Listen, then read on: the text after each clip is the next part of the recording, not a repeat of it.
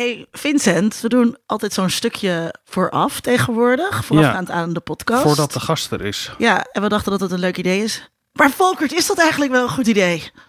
Nou, dat ligt hem precies aan wat je wil gaan maken, natuurlijk. Maar wat ik leuk vind, is dat je na het gesprek terugblikt op het gesprek in de intro. Dat Dus- je een beetje een soort vooruit ja, dus eigenlijk een soort hype creëert. Dat Waardoor hebben jullie al mensen... een keer gedaan bij de aflevering over Marokkanen in de media. Omdat jullie toen het intro-stukje vergeten waren. En toen had ik inderdaad een vooruitblik naar kerk, Marokkanen, Ja, en dan, dan zit ik, je oh, dus als chill. luisteraar te wachten totdat, totdat komt wat verteld is in de intro. Waardoor je blijft hangen. Ik speel dat dus zelf altijd door bij Dat podcasts die dat Oh. hebben. Ja, Ja. dat ja. verbaast me echt. Want ik vind dat altijd wel lekker. Als ik gewoon een beetje klaargemaakt word van... dit is een beetje wat er voor je wacht. En of het de moeite waard is om te gaan Je luisteren. kan dan ook gewoon al afzetten. Gewoon, nee, dit lijkt me niet interessant. Nee, nee. Ik ga door. Deze podcast wordt mede mogelijk gemaakt door Code Clear. Duidelijk over websites en design.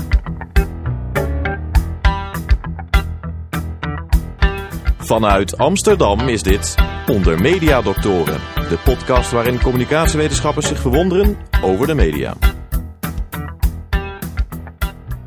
Toen wij een jaar of tien geleden begonnen met deze podcast, hadden we geen idee dat er op een dag een Nederlandse podcastindustrie zou ontstaan. Nu, tien jaar later, verdienen wij nog steeds niets. Maar in die tien jaar hebben we wel een aantal mensen mogen leren kennen die wel hun geld verdienen met het maken van podcast. Volkert Koehoorn, Lieve Heremans, Tom Aalmoes. Eh, en we gaan met hem praten over geld verdienen in podcastland. We moeten even hier melden dat eh, er natuurlijk nog meer afgestudeerden zijn van de Ondermedia Doctoren Podcast Academie. Eh, namelijk ook eh, Iris Verhulston. Hadden we ook kunnen Die uitnodigen. redacteur is bij Haagse Zaken. En natuurlijk Marius Kooi, onze meest recente eh, eh, aanwinst aan het Legend. eh Ondermedia Doctoren team. Die nog steeds op weg naar is naar New York. Ja. Eh, zij zijn er helaas eh, niet bij. Maar evenzeer zijn we trots op hun. Ja, we hebben een tafel vol met, eh, met heren. Eh, heren, Allemaal witte mannen, heel goed. We hebben het over geld, dus laten we daar maar gewoon beginnen. Ehm, ik stel voor dat we een eh, voorstelrondje doen. Ehm, waar werk je? Eh, wat doe je? En wat verdien je? Laten we beginnen bij Volker. Eh, ik werk nu vijf jaar, denk ik, bij Dag en Nacht Media. Wat, wat was de tweede vraag? Wat, wat doe je daar? Oh ja, als, als redacteur. We hebben een heuse redactie. Ehm, en dat is wel een de laatste tijd een beetje veranderd, maar daar kunnen we straks meer over vertellen. En wat ik verdien, nou ja, ik heb eh, onlangs een huis gekocht van eh, meer dan eh zes ton. dus. Lieve. Ehm, waar we, ja, ik ben gewoon zelfstandige. Eh, en daarvoor werk ik voor heel veel verschillende organisaties. Daar komen we vast nog wel op. Uitgebreid. Wat doe ik? Ja, ik maak podcast voor mezelf en voor bedrijven. Eh, en ik organiseer ook evenementen rondom podcast. Ik schrijf ook een nieuwsbrief. Het is heel populair. Heb je nog een podcasttip.nl? Zeker abonneren, het is gratis. Eh, over podcast, dus dan krijg je elke zoveel tijd nieuwe podcasttips en een, een leuke column actueel over podcast. En het roddelhoekje, vergeet En een roddelhoek, ja. Dat is, En hoe echt, kunnen eh, mensen zich aanmelden voor jouw nieuwsbrief? Ik zal het nog even herhalen. Heb je nog een podcasttip.nl? Kijk. En dan vul je daar meteen je e-mail in en dan komt het helemaal goed. Ehm, en wat verdien ik? Ja, dat, eh, ik heb ook een huis gekocht net. Iets minder duur dan dat van Volkert, maar wel groter Als dan warme dat van broodjes Volkert. over de toonbank gaan ze. Deze aflevering voelt nu al als die cursus. Hoe word je rijk met podcast maken? Ja. Eh, nou, daar heb ik nog wel een weg te gaan, denk ik. Want eh, ik kan nog lang geen huis kopen, ben ik bang. ja, Maar je hebt een huis. eh, maar ik heb een huurhuis. Ja, kijk. Ja, ja, dat ja. is toch ook En je hebt een baan. ja. En ik heb een baan. Eh, ik werk net als Volkert eh, bij Dag en Nacht Media als redacteur, inderdaad. Eh, en daar hou ik me bezig met eh, voornamelijk eh Alle Geschiedenis Ooit, onze geschiedenispodcast. En daarnaast ondersteunen van productie met allemaal andere podcasts die wij en, en nu ook Podemo, waar we later zo, sowieso op gaan komen, denk ik. Eh, eh, ja, daar help ik bij. En Tom is natuurlijk bekend van de andere podcast, Geeky, Geeky Dingen. Dingen. Nou, er zijn Yeah. meerdere podcasts in. Nederland. Ook daar gaan we het over hebben. Maar wat verdien Ja. je, Tom? Ehm, Is er nou niemand die gewoon wil beantwoorden deze hele simpele vraag? Eh, even kijken, ik haal bruto en netto altijd door elkaar. Eh, Zeg ze Rekenen. maar. Ja, ja, elkaar voor. Dit zegt al genoeg dat je nog geen huis hebt. Eh, maar 2700 per maand op voltijdbasis, maar ik werk 36 uur. En dan moet ik altijd zo'n som maken in mijn hoofd waar ik slecht in ben. Maar dan verdien je meer dan, eh, v- dan eh, Volkert. Nee, ook het verdient denk ik wel meer dan ik verdien. Ik verdien wel meer, ja. En Lieve, hoe zit het bij jou? Hoe- Ja, waar- hoe moet je dat uitrekenen als je nou ja, gemiddeld op jaarbasis gedeeld door 12. Ja, vorig jaar was mijn omzet eh 60.000 euro. Maar ja, daar gaan heel veel kosten vanaf. Uiteraard. Ja. En volgens mij was voor mijn verzamelinkomen juist weer heel laag. Maar ja, dat was eh, ja, ook weer expres. Dus daar is geen taal aan vast te knijpen. Nee, het is echt heel moeilijk. Je kan geen netto bruto doen als eh, zelfstandige. Zeg maar, Mm. keer mezelf ongeveer 2000 euro per maand. Maar je kan ervan Uit. leven. Het Zeker, jou- ja. En al eh, twee jaar fulltime. Dus- Hey, ehm Volkert, hoe ben je eigenlijk eh hiertoe gekomen om in de podcastwereld terecht te komen? Hoe, hoe, hoe, is dat, hoe, is dat, hoe is dat gegaan? Want volgens mij, eh, wat iedereen ik me nog kan herinneren, kom je uit het oosten en jij wilde naar het westen. Iedereen lacht zo hard omdat het een soort inside joke is. Al eh, hoe lang? Acht jaar of zo. Nee, dat- Mythevorming. Dat klopt inderdaad, eh, Vincent. Eh, ik kwam een, eh, een, een berichtje tegen op Twitter dat onder mededoctoren redacteuren zocht. Maar kende je podcasts al? Dacht je toen, Ja, podcasts ja. zijn cool? Ja, ik moet wel eerlijk zeggen dat ik toen nog niet zoals nu elke dag of elke week naar een show luisterde. Maar ik kende het medium al wel. En ik had wel eens op play gedrukt, maar ik had nog niet soort van de, de, de verbondenheid die ik nu bij verschillende shows heb. Eh, Want dat- over welk jaar hebben we het nu? Ja, wat was het? 2000? Ja, dat moet jij weten. 10 of zo? 12? Nee, we zijn in 2012 begonnen. Oh, wow. Eh, dus ik denk dat je erbij bent gekomen in 2014. Ja, zoiets, ja. Echt, echt lang geleden. En niemand kende de podcast toen nog, want we moesten aan iedereen uitleggen wat we nou eigenlijk aan het maken waren. Ehm, maar ja, ik woonde toen nog in het oosten van het land. En ja, dit was allemaal in het westen van het land. En Ja. ik wilde graag naar het westen. dat zei ik in mijn sollicitatiegesprek. Eh hence the joke. Gelijk aangenomen toen. Ja, ja. Nou ja, en eh, ja, dat, toen werd ik als een soort... eh, ja, de, de vleugels werden om mij heen geslagen. En mocht ik ja, als redacteur helpen bij het maken van de pod- podcast. Lange tijd nog heen en weer gereisd, maar op een gegeven moment toch naar Amsterdam verhuisd. Ja, en toen... Nou, naar eh, Noord, toch? Nou, het Ja, begin- bijna. we begonnen Ja, in Noord. ja. Ik was in de buurt. Ehm, en, ja, en toen eh Hek van de Dam. Maar ik jij was toen al een zeer fervent podcastluisteraar. Nee, ik moet dat toch bijstellen. Want ik zei naar 2010, maar dat sloeg niet echt ergens op. Ik luisterde toen minder denk ik naar podcasts, maar toen ik in Berlijn ging studeren, dat was in 2012, 2013, toen moest ik heel lang naar de universiteit reizen. Echt meer dan een half uur. En toen was ik op een gegeven moment een soort van de muziek zat. En toen dacht ik, oh ja, podcast, dat was ook altijd heel leuk. En toen ging ik dat weer doen. En vanaf toen, toen kwam ook Serial Ja, maar hoe, uit. hoezo bedacht je toen van... eh, dat was ook altijd heel leuk, want dan had je daarvoor ook al... Ja, ja. Wat in was die ervaring 2009, toen ik een iPod Touch had. Oh, je bent echt nog van de, van de podcast downloaden op een iPod, Ja, ja, ja. waar de naam van eh, vandaan toen komt. was ik, heel, ik, was, ik ben nog steeds Apple-fan, maar toen was ik dat nog meer. Toen was One More Thing nog leuk. En die hadden echt meerdere podcasts, ook videopodcasts. Ja. Echt eh, legends, echt voorlopers in de podcastwereld in Nederland. En dat ging ik toen luisteren, ook omdat ik toen lang moest fietsen naar mijn baantje op het strand vanuit Haarlem. En toen was ik ook eh, op een gegeven moment de jeugdvertegenwoordiger zat. En toen ging ik dus podcast luisteren.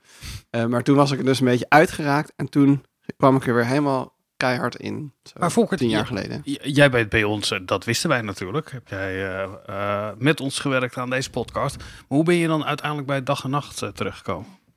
Ja, dus ehm, heel lang eh, Wat is dag en nacht? Even voor de luisteraar. een podcastnetwerk. Eigenlijk nu meer een podcast Productiehuis, productie- productiehuis, ja. een studio. Ja. Met een netwerk eraan. Een beetje, ja, dus een beetje zoals wat Gimlet in Amerika is. Een uitgeverij? Een uitgeverij, ja. Eh, maar hoe ik, daar ben, hoe ik daar terecht ben gekomen is... Ik heb mijn masterscriptie geschreven ook over podcast. Interessant zeg. Ja, Het is nog terug te luisteren. Eh, Zeker. Dat is, aflevering- eh, dat is aflevering 59. ja, Ja. staat ook op YouTube, dus eh, nou ja, overal te vinden. En toen was er een podcastnetwerk Borrel. En dat werd georganiseerd door het podcastnetwerk, waar Lieve de initiator van is, mede-initiator. mede-initiator. En daar was Anne Janssens. En toen zat eh, ik, ja, Linda Anne Janssens Anne is de is- oprichter van Dag ja, en Nacht, Anne een van de Janssens twee. is de op, ja, een van de twee. En daar zaten ook Linda en Vincent. En die zeiden eigenlijk van, je moet Volkert aannemen. En ja, zo is het balletje gaan rollen. Toen ben ik koffie gaan drinken met Anne. Klinkt als een enorme inteelt eh, Ja, wereld oef, voor de ja. luisteraar. ik, ik, ik denk denk dat dat niet minder gaat worden, deze aflevering. Nee. Ja, nou, maar zo is het wel echt begonnen, ja. ja. Hoe was dat voor jou? Wanneer ging jij eh, geld ermee verdienen? Geld misschien verdienen moet je eerst even eh, vertellen over de oprichting van dat podcastnetwerk. Ja, ik Waarom? kan ook wel vertellen dat ik eerst geen geld verdiende met podcast. Ja. Dat kan nog steeds. Maar je werkte wel, dat maar je kreeg geld voor. Ja. Ja, dus ik ben begonnen bij Radio Swammerdam. Dat is een podcast die nog steeds bestaat. Eh, dat was het wekelijkse wetenschapsprogramma op Amsterdam FM. Dat bestaat volgens mij al meer dan tien jaar. En toen ik erbij ging, Net dat zo was lang ook- stonden mediadoktoren dan. Ja, nee, dat bestond denk ik al eerder. Ik weet het eigenlijk niet. Dat was Ehm, dan maar maar eerder als ja. radio. dus dat was bij Amsterdam FM. Het is nu bij Stads FM. Eh, en Maar het is een radioprogramma. Ja, dus dat was op zondagochtend gingen studenten met wetenschappers uit Amsterdam praten over hun onderzoek. Superleuk, maar er luisterde natuurlijk niemand naar. En dat, toen was het 2014, toen kwam Serial uit en toen dacht ik, toen zat ik er dus bij en toen dacht ik, ja, maar wij maken eigenlijk ook een soort podcast. Dus dat kunnen we gewoon elke week online zetten. En toen hadden we ineens superveel luisteraars, tenminste 500 mensen hebben deze maand geluisterd. Vonden wij heel veel. Ehm, dus dat ben ging ik eerst gratis doen en de eerste keer dat ik betaald werd, is denk ik in 2018 toen ik ehm, mijn bedrijf had opgericht en voor ITVA de podcast ging maken. Dus dat was gewoon opnames van panels die tijdens het festival plaatsvinden of praatjes met filmmakers. Nee, maar was het podcastfestival niet het eerste waar je betaald voor kreeg? Of zie je dat niet echt ja, dat was ook een- 2018, Hmm. eh, de eerste editie. En het podcastnetwerk heb ik opgericht met andere mensen. Onder andere alle mensen deze, die aan deze tafel zitten. dat was 2016. Eh, toen deed ik onderzoek naar podcastnetwerken in Amerika. Dus daar heb ik een hoofdstuk voor geschreven in de eerste academische bundel die over podcasten is verschenen. Ja, dat podcastbundel heet eh, New Oral Cultures, Podcasting en Digital Media. Linkje in de show notes. 2018. Linkje in de show notes. Ehm, en eh, toen deed ik daar onderzoek naar. Toen dacht ik, ja, dat kunnen we in Nederland ook doen. Want wij hadden het probleem. Wij maakten allemaal podcasts, maar niemand luisterde er echt naar. En ja, iedereen deed het toch anders. Eh, en toen zijn we het netwerk begonnen. Het was eerst gewoon bier drinken in de kroeg. En dat werd wat het nu is. Nu zijn meer dan 100 mensen lid van het netwerk. En dat zijn allemaal podcastmakers of mensen die het willen worden. Tom, Ja, hoe is het jou vergaan? Eh, nou, ik luisterde al naar podcasts tijdens mijn studie filosofie. En toen ging ik filosofie podcast opzoeken. eh, om daar een beetje meer verdieping in te zoeken. Toen kwam ik ook onder andere jullie podcast tegen. Als een wetenschapspodcast uit Nederland. En toen kwam op een gegeven moment een oproepje voorbij. En dat was al nadat ik les had gehad van Linda. Dat jullie ook weer studentredacteuren zochten. Dus daar heb ik me voor opgegeven. En toen zijn jullie zo vriendelijk geweest om mij daarvoor aan te nemen. Ja, ja. Eh, heel erg bedankt daarvoor. Met, met, met, met liefde, met liefde. Maar Ja, Ehm, dus dat heb ik tijdens mijn studie best wel lang gedaan. En toen ben ik met Linda later ook nog geeky dingen eh, begonnen natuurlijk. Allemaal onbetaald werk. En toen was ik een beetje klaar met mijn studie. Ben ik mee gestopt op een gegeven moment. En toen wilde ik freelancen. En dan helpt het heel erg als je een beetje een netwerk hebt. Bijvoorbeeld via Lieve. In de Eh, die, die, soms. Ja. die, die ons soms een beetje eh, een klusje door kon spelen. Ook wat via Iris, eh, een andere redacteur die hier niet bij zit, nu ook klussen doorgekregen. En uiteindelijk werd ik een keertje gebeld door Volkert van... Oh nee, door, door, door Anne trouwens. Die zei, hi, ik heb je nummer van Volkert doorgekregen. Ik hoor dat jij freelanced. Zullen we een keertje kopje koffie drinken? Welk jaar was dit? Dit was... Niet eh, zo heel lang geleden. Nee, anderhalf jaar terug. Dat was Ja. vorig jaar. Ehm, en toen eh, eh, ben ik een kopje koffie gaan drinken met Anne. Ik verwachtte hem, al, misschien krijg ik een, een freelance klusje waar ze zelf geen tijd voor hebben. En eh, na een uur met hem gepraat te hebben, liep ik weg met een contract. Ja, Dus zo ben ik eh, bij dag en nacht terechtgekomen. maar het is, best wel, het is best wel wonderlijk. Ik weet nog heel goed dat Volkert zei bij zijn afstuderen... eh, binnen een jaar wil ik mijn geld verdienen met Nee, dat, podcast dat was, maken. dat was toen ik de gast was bij, over, Ja. over mijn onderzoek te vertellen. En volgens Hmm. mij zei ik iets heel naïef over binnen tien jaar wil ik mijn geld verdienen met Nee, podcast. nee, je zei je zegt over een jaar volgens een mij. jaar. En dat vonden wij heel ambitieus. Ja. Oh ja? Ja, ja. Zei Ja, is echt Ja. binnen een jaar. Ja. En, eh, en dat was toen echt zo, inderdaad, eh, super ambitieus. Bijna niemand verdiende geld met podcasten. Het ging heel erg steeds eh, bij allerlei bijeenkomsten van het podcastnetwerk. Of als podcastmakers samenkwamen over hoe kan je in hemelsnaam hier geld mee verdienen. Dat was heel lang de grote vraag. Ja, en donatienetwerken had je dus nog een petje af, Patreon, later vriend van de show dat er ook Ja, nog bij kwam. Was er ook Eh, En wat is er dan gebeurd eh, dat er ineens zo'n overvloed aan werk was. En eh, eh, lieve klusjes jou toebedeelden. En dag en dag dachten, hey, dat gaan we niet hebben. We gaan die gast inhuren. Wij, wij grapten altijd, ook echt op een podcastfestival, volgens mij in jouw opening een keertje van 2018 is echt het jaar dat de podcast door gaat breken. En 2019 is echt het jaar dat de podcast door gaat breken. En op een gegeven moment is die doorbraak er toch gekomen. En Door dat het ineens festival is dat. door het festival, Ja. zeker, ja. Eh, Maar en hij is wel echt drie keer doorgebroken. ja. Eh, maar, maar op een gegeven moment had iedereen en zijn moeder wilde een podcast maken. Nog omdat dat steeds. soort van, ja, nog steeds, eh, eh, hip en happening is. Eh, eh, dat organisaties dachten ineens van, oh, maar dan kunnen wij makkelijker contact krijgen met onze klanten. Eh, voor BN'ers was er een manier om zonder al te veel creatieve controle van zenders of studio's of zo wat vrijer dingen te doen, denk ik. Mhm. Nou, en Eh, dat zit hem ook volgens mij in dat, dat je gewoon langere tijd over een onderwerp Ja, kan praten. dat Want ook, het ja. Nergens anders is een plek. Ja, en bedrijven zijn lang van stof. eh BN'ers die niet zo vaardig zijn eh, en, en influencers ook.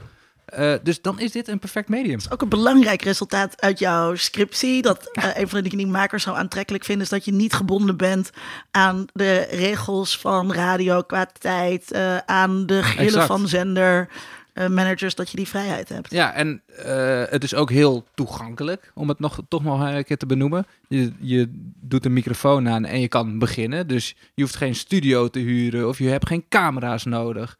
Een microfoon is niet zo duur. Dus ja, letterlijk iedereen kan beginnen met, gaan, met podcasten. Maar toch eh, hebben ze daar graag hulp bij nodig en willen ze jullie inhuren.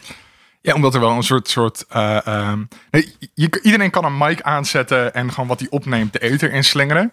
Maar of dat goed klinkt en of er mensen op afkomen, of er een spanningsboog door je verhaal heen zit dat je aan het vertellen bent. Dat zijn natuurlijk allemaal vaardigheden eh, waar je mensen voor in kan huren om dat makkelijker te maken. Als je daar zelf of niet over na wil denken of niet goed in bent. Jullie hebben alle drie gewerkt eh, en liever nog steeds als, als eh, zelfstandige of als eh, ZZP, hoe je het ook wil noemen. Ja. Ehm, kan je iets vertellen over wat voor soort opdrachtgevers je dan tegenkomt? nou, Wie zijn dat dan die ineens een lang verhaal willen vertellen? Nou, dat zijn. ehm, dat verschilt heel erg. Eh, culturele organisaties, ehm consultancybedrijven. Ehm, maar Maar geef, ook- eens, geef eens een concreet voorbeeld. Waar heb je ehm, met plezier aan gewerkt? Of met... nou, voor mij is dat al een tijdje geleden. Wat, wat heb ik ook alweer gedaan? Ehm, Ik weet dat Met je- Katja Schuurman. Ka- ja, Die was dus, vet. Oh ja, een, ehm, ehm, even denken. Volgens mij was het een reisorganisatie die dan weer Sunweb? Nee, iets anders. via een, een, een bureau binnenkwam die dan weer influencers in hun portfolio heeft. Of een soort van campaign eh strategiebedrijfje. Een reclamebureau. Met dit soort Ja, connecties. Ja, en ja? die hebben dan, die krijgen dan een vraag van een klant van hun. En die kunnen ze dan weer uitzetten bij ehm, eh, influencers. En ja, die klant, eh, volgens mij was het een reisbureau in, in dit geval. ehm, die wilde specifiek een podcast. Ja, daar hadden zij nog nooit mee gewerkt. Maar ze wilden dat natuurlijk wel professioneel aanpakken. Eh, en toen kwamen ze bij mij. Ik weet niet hoe. hoe. En toen stond ik ineens inderdaad met Katja Schuurman en eh, nou ja, allemaal andere influencers een, een podcast op te nemen. En hun taak was eh, een horrorverhaal vertellen op vakantie. Ehm, En eh, ja, dat, In een soort audioboekachtig. ja, en ik drukte op start en, en op stop. En ik knipte daar een, een, een, een, ja, een mooi verhaaltje van. En ik publiceerde dat, want dat was ook altijd voor iedereen een... een eh, ja, niemand Ja, wist hoe je inderdaad. een podcast op het internet zette. Ja. Eh, en daarvoor Is ook nog ze- steeds moeilijk. Ja. Ik heb er wel eens moeite mee. Ja, nou ja, gewoon... Maar het, het- het- het- je schetst een beetje een beeld alsof het ook heel veel onwetendheid... Er was Dat heel was veel vragen ja. en heel veel ja, onwetendheid. dat was het precies. en dan heb je mensen zoals jullie nodig die daar En dat was, de weg dat was die, leiden. inderdaad die beginfase. Dus iedereen wilde podcast, niemand wist hoe dat werkte. Ehm, ik denk dat dat voor heel veel mensen nog steeds wel geldt. Maar nu heb- krijg je toch ook veel meer vragen. Maar misschien kan Lieve daar meer over vertellen. Over dat je ehm, nou, inhoudelijk meer gaat bemoeien. Dus dat je echt als een soort... eh, nou het technische aspect, dat is... eh, dat, dat weten nu veel meer mensen. Maar mensen willen ook een soort van... Nou, wat Tom net al zei, een duidelijke verhaallijn. Maar je hebt toch iets met leaseauto's eh gedaan? Ook met leaseauto's. ja, ja eh, ik liep me door iedereen eh gebruiken. Ja, ZZP'er, let's go. Ja. Geef je geld. Hoe werkt dat dan? Je, je gaat, ik, ik stel eens voor, je zit bij iemand aan tafel. Dat die was directeur van een leasebedrijf die zegt: Ik wil een podcast. Ja, het was een soort fleet management eh, eh, Ja. app tool of zo. En dat was echt een branding campagne.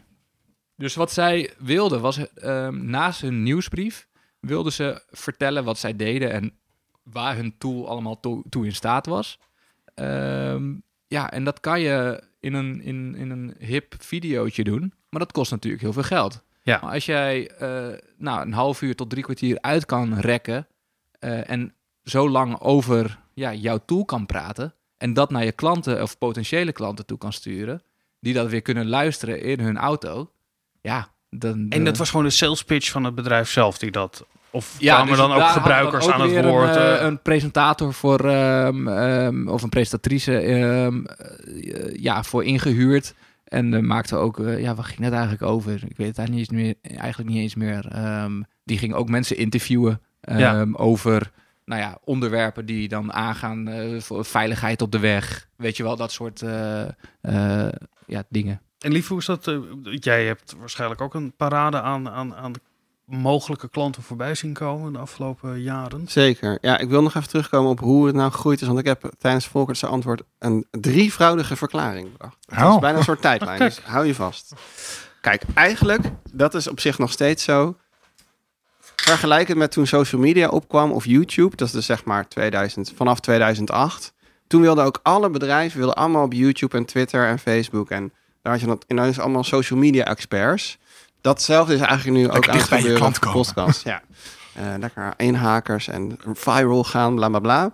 Dat is ook, ook gaande voor podcast. Ehm, en ja, je ziet ook heel veel bedrijven die filmpjes maken op YouTube. En dan kan je keihard lachen, want het is gewoon allemaal crap. En dat wil je helemaal niet kijken als kijker. Maar die bedrijven denken dat ze dat moeten doen.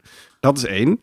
Twee is eh, de pandemic. Want je kon niks meer, behalve met elkaar in een Zoom-call lekker praten met elkaar. En als je dan toch al opneemt. En als je dan toch opneemt, dan is het ineens een podcast. Ehm, en dat heeft er dus ook voor gezorgd. Sommige van mijn klanten, die hadden eerst altijd een soort van bijeenkomsten voor architecten bijvoorbeeld. En die nemen dat nu op als podcast en publiceren dat op de website van Architectenweb. Ja, dan hebben ze veel groter bereik. En het kost waarschijnlijk minder dan een zaalhuur en de borrel. Eh, dus dat is veel effectiever. Ehm, en de derde is eigenlijk het grootkapitaal. Dus op een gegeven moment eh, kocht Spotify Gimlet. Eh, en toen is ineens heel veel geld eh, in Amerika vooral in podcastland gegaan. Waardoor dus nu ook meer een soort van vraag is naar podcast. En waar, waarom is met de aankoop van Gimlet... Ja, dat was eigenlijk het startpunt. Dat er heel veel geld... Want daarvoor was alles nog vooral indie of vooral NPO of publieke omroepen... die series uitbrachten die er geld in konden steken. En nu kwam er dus ineens geld vanuit een andere markt... de podcastwereld in. Waardoor er dus budgetten ineens beschikbaar waren om... dingen als Wind of Change of zo... of allemaal hele grote series te produceren. Maar jouw, drie, eh, jouw drievoudige verklaring gaat eigenlijk alleen maar over de productiekant. Mhm. Ehm, maar ook aan de vraagkant veranderde er iets. Want in één keer gingen mensen podcast luisteren. Ja. Ik denk dat er nog steeds een heleboel podcasts zijn die weinig beluisterd worden. Maar er veranderde ook iets in het publiek. Zeker, en Serial is dat, dat zijn mensen nu alweer vergeten. Dus ik herhaal het even. Dat was een true crime serie die in 2014 uitkwam. En dat was heel bijzonder, omdat de makers van This American Life, dat is een radioprogramma dat podcast werd, dat al meer dan 20 jaar loopt.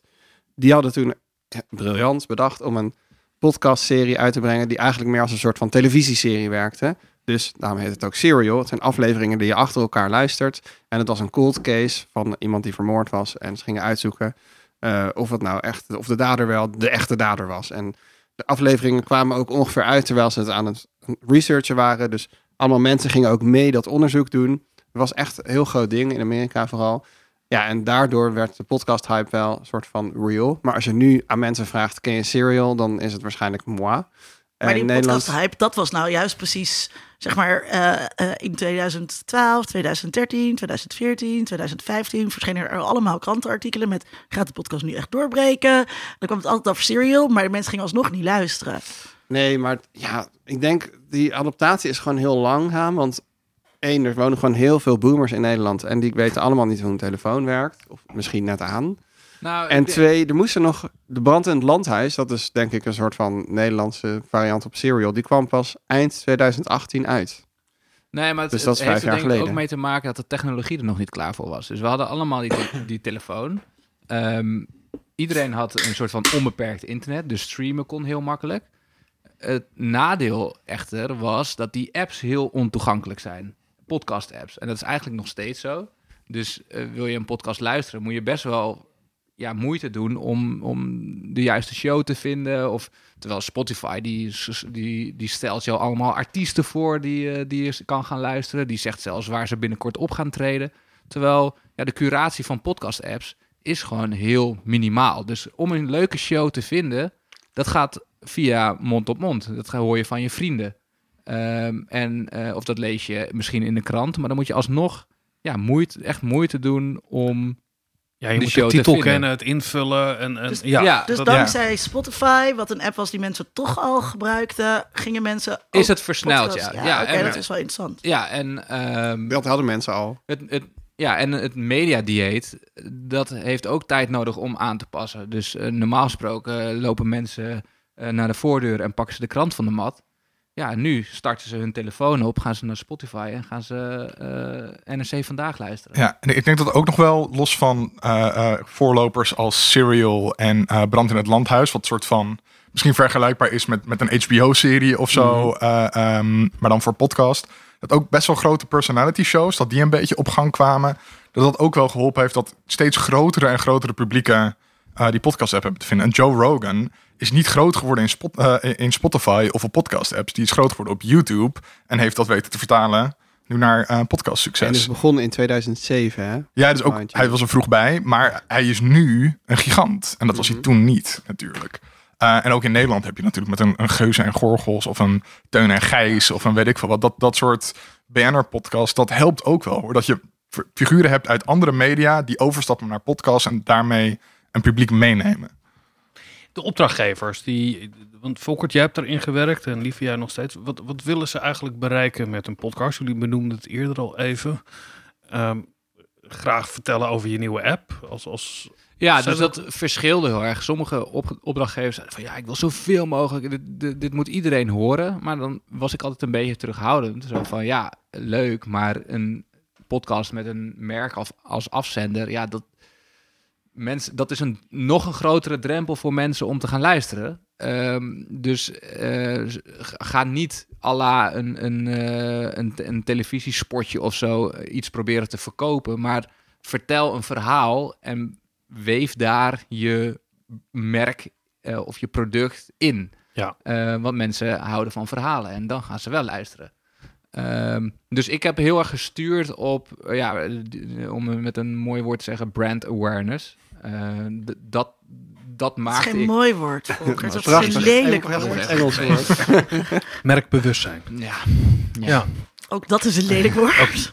Maar dat was wel ehm, ja, waar je veel geld mee kon verdienen, Linda. Dus ja. Dat was Ze willen gewoon een hele lange reclamefolder. Maar is dat ook de opdrachtgever? want Jij hebt ook opdrachtgevers uit de meer culturele sector. Je hebt voor ITVA eh, ben je ooit begonnen. Ja. Wat willen zij eigenlijk bereiken daarmee? Ja, dat is eigenlijk vergelijkbaar met wat ik net zei over die architecten, mensen die bijeenkomsten hebben, die dat dan opnemen. En dan heb je potentieel veel groter bereik dan alleen in de zaal past op dat moment. Dus dat is het soort van terugluisteren van wat er is gebeurd. Ja. Ehm, en dat wordt ook wel goed beluisterd. Het is eigenlijk gewoon vergelijkbaar met een ouderwetse blog. Ja, een soort nieuwsbrief, maar Ja. dan in audio eh, Ja. vorm. Dat je dat mee kan krijgen. En andere opdrachtgevers? Wat, zijn er andere doel, doelen die opdrachtgevers hebben dan... Nou ja, we, we nemen het toch op. Of een soort eh, brand Ja, ja. awareness eh, Nou ja, een van de opdrachtgevers waar ik nu voor werk is de Rijksdienst voor het Cultureel Erfgoed. Dat is van ons allemaal, want het wordt betaald door de overheid. En in Amersfoort staat een heel groot depot en daar zitten 120.000 kunstobjecten in. Eh, en daar is een bruikleenafdeling en die zorgt ervoor dat die objecten dan in het Rijksmuseum komen. Het is ook het depot van het Rijksmuseum. Of in stedelijk of bij andere actuele tentoonstellingen. Of ook in ambassades of de kamers van de ministers. Want het is gewoon ons meubilair ook. Eh, en die willen eh, die collectie zichtbaar maken voor de mensen die niet in dat depot kunnen komen. Met de eh, podcast. Met een podcast hadden ze bedacht. Ja, er wordt ook veel tv gemaakt. Oké. Maar podcast bereik je een jongere doelgroep mee. En je kan er mooie verhalen in vertellen rondom de werken. En het proces van het uitlenen van die kunst in, in beeld brengen. Is dat terecht ook, zeg maar, dat idee dat heel veel bedrijven of organisaties hebben van we moeten ook iets met een podcast? Bereik je daadwerkelijk die doelgroep? Ik denk, en dat heeft ook wel wat te maken met wat Volker net zei, van het heeft heel erg te maken met wa- hoe je als bedrijf erin staat. Wil jij een verhaal vertellen waar iets van jouw brand identity, eh, in zit, eh, dan kan het op zich best werken. Ik bedoel, eh, Dag en Nacht heeft, hoe heet die show, Vallen en Opstaan voor KPN. KPN. Ja, eh, dat is op zich een best goed beluisterde branded show geweest. Of eh, voor Korps Commandotroepen, de show die Volkert heeft gemaakt. Dat zijn goede verhalen waar mensen naar willen luisteren. Die toevallig van een eh, afzender komen die daar reclame mee wil maken. Maar het wordt heel anders als jij gewoon gaat zitten de hele tijd van... eh, ons merk staat voor dit en dit en daarom maken we dat en dat. Let's go, koop ons product. Dat is heel anders. En als je met zo'n zo'n instelling erin gaat en daar de hele tijd op terug blijft komen... dan is het voor niemand leuk om naar te luisteren. Het, het, is een beetje dubbel, want eh, een hele terechte vraag die je stelt. Eh, omdat ik denk dat heel veel bedrijven wel een beetje om de tuin worden geleid. Eh, want je kan niet ehm, één op één zeggen van... oh, als je een podcast maakt, nou, dan bereik je inderdaad een groot eh, publiek. Dat werkt gewoon niet zo. Je hebt, deels is het een, een, een geluksfactor, denk ik. Maar je kan het wel heel erg sturen. Bijvoorbeeld met wat Tom net zei, eh, Korps Commandotroepen. Dat is denk ik de best, of een van de Below beste... radar above yourself. Ja, dus een van de, de, de best beluisterde branded shows die we toen destijds met dag en nacht hebben gemaakt. Daar zit heel veel in. Dus eh, om, om te beginnen, inhoudelijk supersterk. Het gaat over eh, de commando's, de elite troepen van de Nederlandse eh, militairen. Ehm, super geheimzinnig. Iedereen wil weten hoe dat werkt. Ja, dat werkt natuurlijk supergoed als die mensen eindelijk eens aan het woord zijn. Ehm, Ik heb er met heel veel plezier naar geluisterd, terwijl ik mega antimilitaristisch ben. Ja. Eh, daarnaast gaat het over mensen. Het gaat niet zozeer over. Ja, het gaat ook over de missies die ze uitvoeren. Dat is super spannend. Maar je hoort, je hoort ook hoe zij na zo'n missie thuiskomen. Wat, die, wat de hobby's zijn van die, eh, van die, van die militairen. Eh, dus het wordt persoonlijk. En je kan je er je mee identificeren. Of je kan ja, je soort van verhouden tot die militair. Ehm, nou, inhoudelijk zit die podcast dus goed in elkaar. En daarna marketingbudget. Maar- dat is het.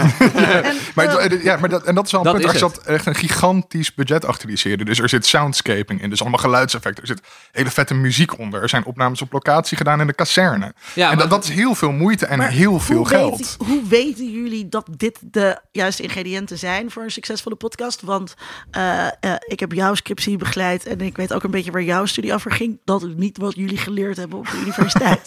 En ook niet van ons. Dan leer je in het werkveld. Dat heb je Ervaring.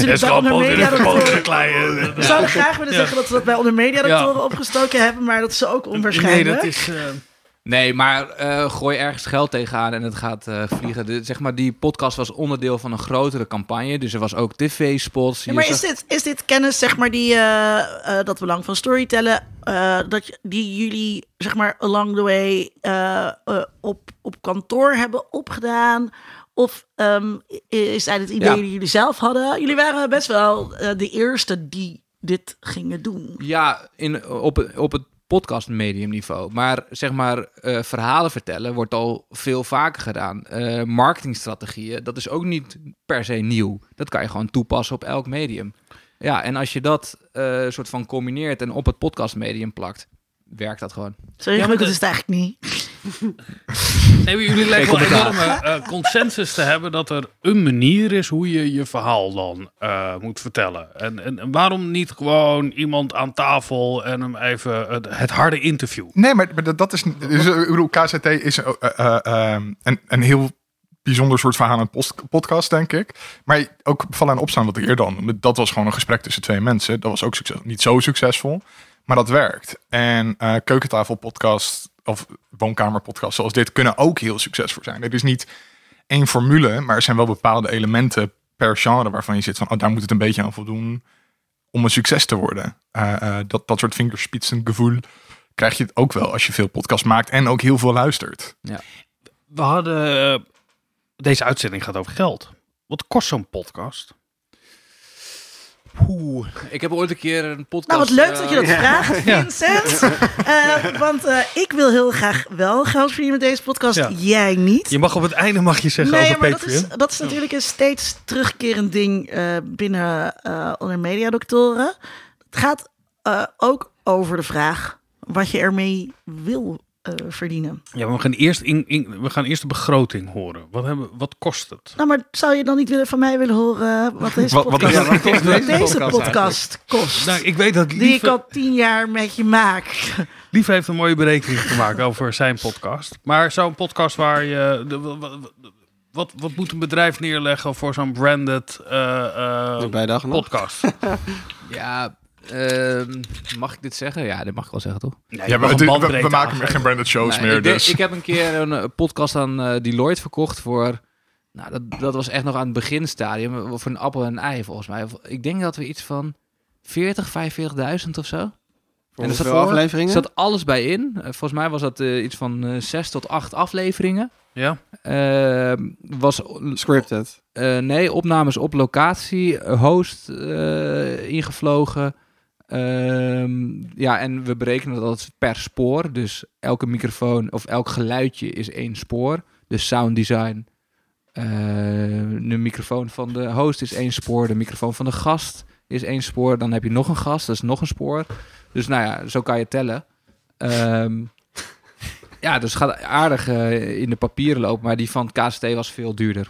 Dus dat gaat allemaal boven de, tussen de 50 en 100 eh, k. Want de producties waar jij aan werkt, lieve, waar, hoe zitten die budgetten in elkaar?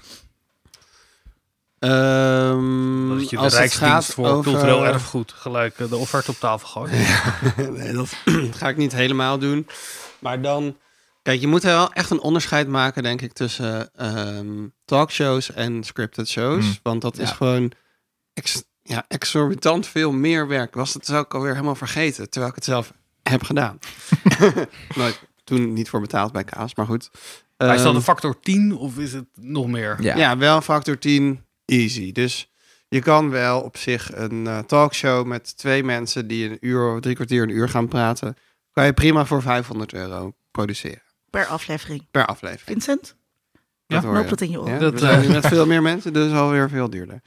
Als je een, echt een documentaire wil van een half uur, waar research gedaan moet worden op locatie, sound design, dat soort dingen, dan is het echt wel 5000 euro minstens. Want je hebt een echt berekening gemaakt, want je hebt de Ja. podcast Kaas gemaakt. Dat was Ja. eh, gewoon een... eh, nou ja, het was ook random content natuurlijk. Hè? Het was gewoon... eh, het was een soort van branded content, eh, het was meer een soort samenwerking. Eh, want ze hebben nooit echt betaald. Eh ja, een barterdeal. Ehm, ik had heel lang bij die... Sorry. Even. Marius, dit mag je er nou uitknippen. Daar hebben we geen geld voor. Ehm, ik was al heel lang bij de kaaswinkel Kev een klant. En toen dacht ik van, holy shit, ligt hier zoveel kaas. En ze hebben altijd een leuk verhaal over een kaas. Dus let's maak daar een podcast over. En toen ging ik er werken. Toen had ik natuurlijk geen tijd om die podcast te maken daarover. Want het was heel veel, het is heel veel werk. Toen ik klaar was, Klinkt als een beetje embedded research. Dat je er ging werken. Ja, dat je de eerst het idee hebt van een podcast. had ik eigenlijk Ja. al gedaan. Ik had alle kaasverhalen geleerd terwijl ik daar werkte. ik heb ook nog een pilot aflevering in mijn eentje gemaakt. Heb ik geleerd dat je het liefst niet in je eentje een podcast moet hosten. Dus toen ging een oud collega mij helpen. Eh, en de vraag was, Wat kost dat? wat kost dat? Oh ja, nou, dat heb ik uiteindelijk allemaal uitgerekend. Wat we hebben gedaan is eerst een pilot aflevering gemaakt. En toen vijf afleveringen. Want je hebt eigenlijk een soort van vijf kaasfamilies. En iedere aflevering is één familie. En per aflevering gaan we met een culinair expert of kaasmaker. Daar gaan we aan tafel zitten. En een aantal kazen proeven. En we hebben ook per aflevering een reportage gemaakt naar een kaasboerderij. En toen kon ik dus al heel goed zien. Ja, ik kan eh, prima bij iemand aan tafel gaan zitten. Een uur praten over kaas. En dat een beetje research met een draaiboek en zo. Nou, dat doe je dan, maak je ongeveer een dag, inclusief montage. Maar als je naar Friesland moet met de auto, dag op en neer, research doen, dan heb je ongeveer twee uur materiaal. Dat moet je dan gaan knippen tot een verhaal en dan voice-over inspreken en dan nog een keer monteren. Ja, daar ben je eigenlijk vijf dagen mee bezig. Dus dat is, de berekening klopt dan. Ik had het uitgerekend, jullie hadden het in het draaiboek gezet. 30.000 euro. Ja, 30.000 euro als je alle manuren, want ik hou dus heel goed mijn tijd bij in een app. Eh, als je dat allemaal uitrekent, dan kom je op zo'n 30.000 euro En, voor hoe, en hoeveel afleveringen had de serie? vijf. Vijf. Dus dat is eh Nou best, ja, eh, ja, 6000 euro eh, per per aflevering. aflevering. Maar dat gaat dus heel erg over de vraag... Maar dat is wel wie inclusief betaal je, ja, en wie betaal je eh, wat? Ja, En dus, uiteraard, ehm, ja. oh, Kijk, op het moment dat ik eh, te gast ben bij eh, andere mensen in de podcast, afhankelijk van wie het zijn, dan vraag ik daar gewoon eh, geld voor. Eh, Want ik ben een naam. en eh, eh, wij zijn daar helemaal niet. Maar op het moment dat ik ehm, mezelf hiervoor zou uitbetalen, dan zou ik dat natuurlijk voor een vriendenprijs doen. Ja, nee, dat snap ik. Dat je daar een verschil in maakt. In, En dat, en dat, eh, maakt natuurlijk, dat maakt natuurlijk heel de wereld uit. Je kan hier van allerlei dingen in hosselen en regelen. Ja, je kan je uurtarief op eh 1500 euro zetten. En dan wordt de productie voor zo'n podcast natuurlijk ook veel meer. En Maar dat, en dat zit ook zeg maar in de hoeveelheid audio-nabewerking die je kiest. Dus ik neem aan dat als jullie bij dag en nacht iets offreren aan een, eh, aan een, aan een bedrijf die een podcast wil hebben, Mhm. ja, dan ga je voor de full-on, eh allerslikste eh audio-nabewerking die je kan bieden. Met ook feedbackrondes die ingeprijsd worden. Dat op het moment dat jij als opdrachtgever de, opdracht, eh, de aflevering terugluistert en denkt... Oh, wacht, maar hier moet toch eigenlijk iets uit. Of hier moet eigenlijk iets bij. Of weet Ja, ik veel dan, wat. dan komt er ook Ja, gewoon projectmanagement bij eh, kijken natuurlijk. Ja. Dus dan gaat, eh, ja. Dan, Dat, wordt- dat, dan, dat, wordt dat het, chef Lisa allemaal voor elkaar inderdaad bij ons. dan wordt het een heel stuk duurder dan Ja. wanneer je zegt we doen alleen audio-nabewerking op, eh, op geluid en we knippen er verder niks uit en eh, er is inderdaad geen feedback-inspraak. We zien nu eh, Dag en Nacht Media eh, dat opgekocht is. Eh, wat is het? Tony Media. We zien steeds meer van dat soort bedrijven die ook titels nou ja, naar zich toe trekken. Kan je eigenlijk nog je geld verdienen als zelfstandige podcastmaker? Ja, zeker. Ehm, ik denk dat je het landschap een beetje kan vergelijken met de muziekindustrie. Dus je hebt een groot aantal hele populaire bands. Die, eh nou, Metallica vraagt gewoon een miljoen volgens mij voor eh, als, zij, als je wil dat ze komen optreden. Eh, maar daaronder zweven heel veel kleinere bandjes die ook gewoon wat geld verdienen. Of eh, misschien een beetje ervan kunnen leven zelfs. Ik heb laatst gehoord dat de Sugar Babe 60.000 euro kostte. Nog steeds? Dat valt hartstikke ja. mee. Ja, dat vind ik heel Dat ja. bij het bedrijfsfeest van dag en nacht kunnen die wel. Ja, of ja, ja. van iemand hier aan jullie tafel. ja, Oh, dat vind ik wel meevallen, ja. ja. Eh, nee, maar dus, Krijgen ze dan alle dus drie, ook, of- eh, ja, podcast. dat Mart Hoogkamer eh 10.000 euro voor een half uur kost.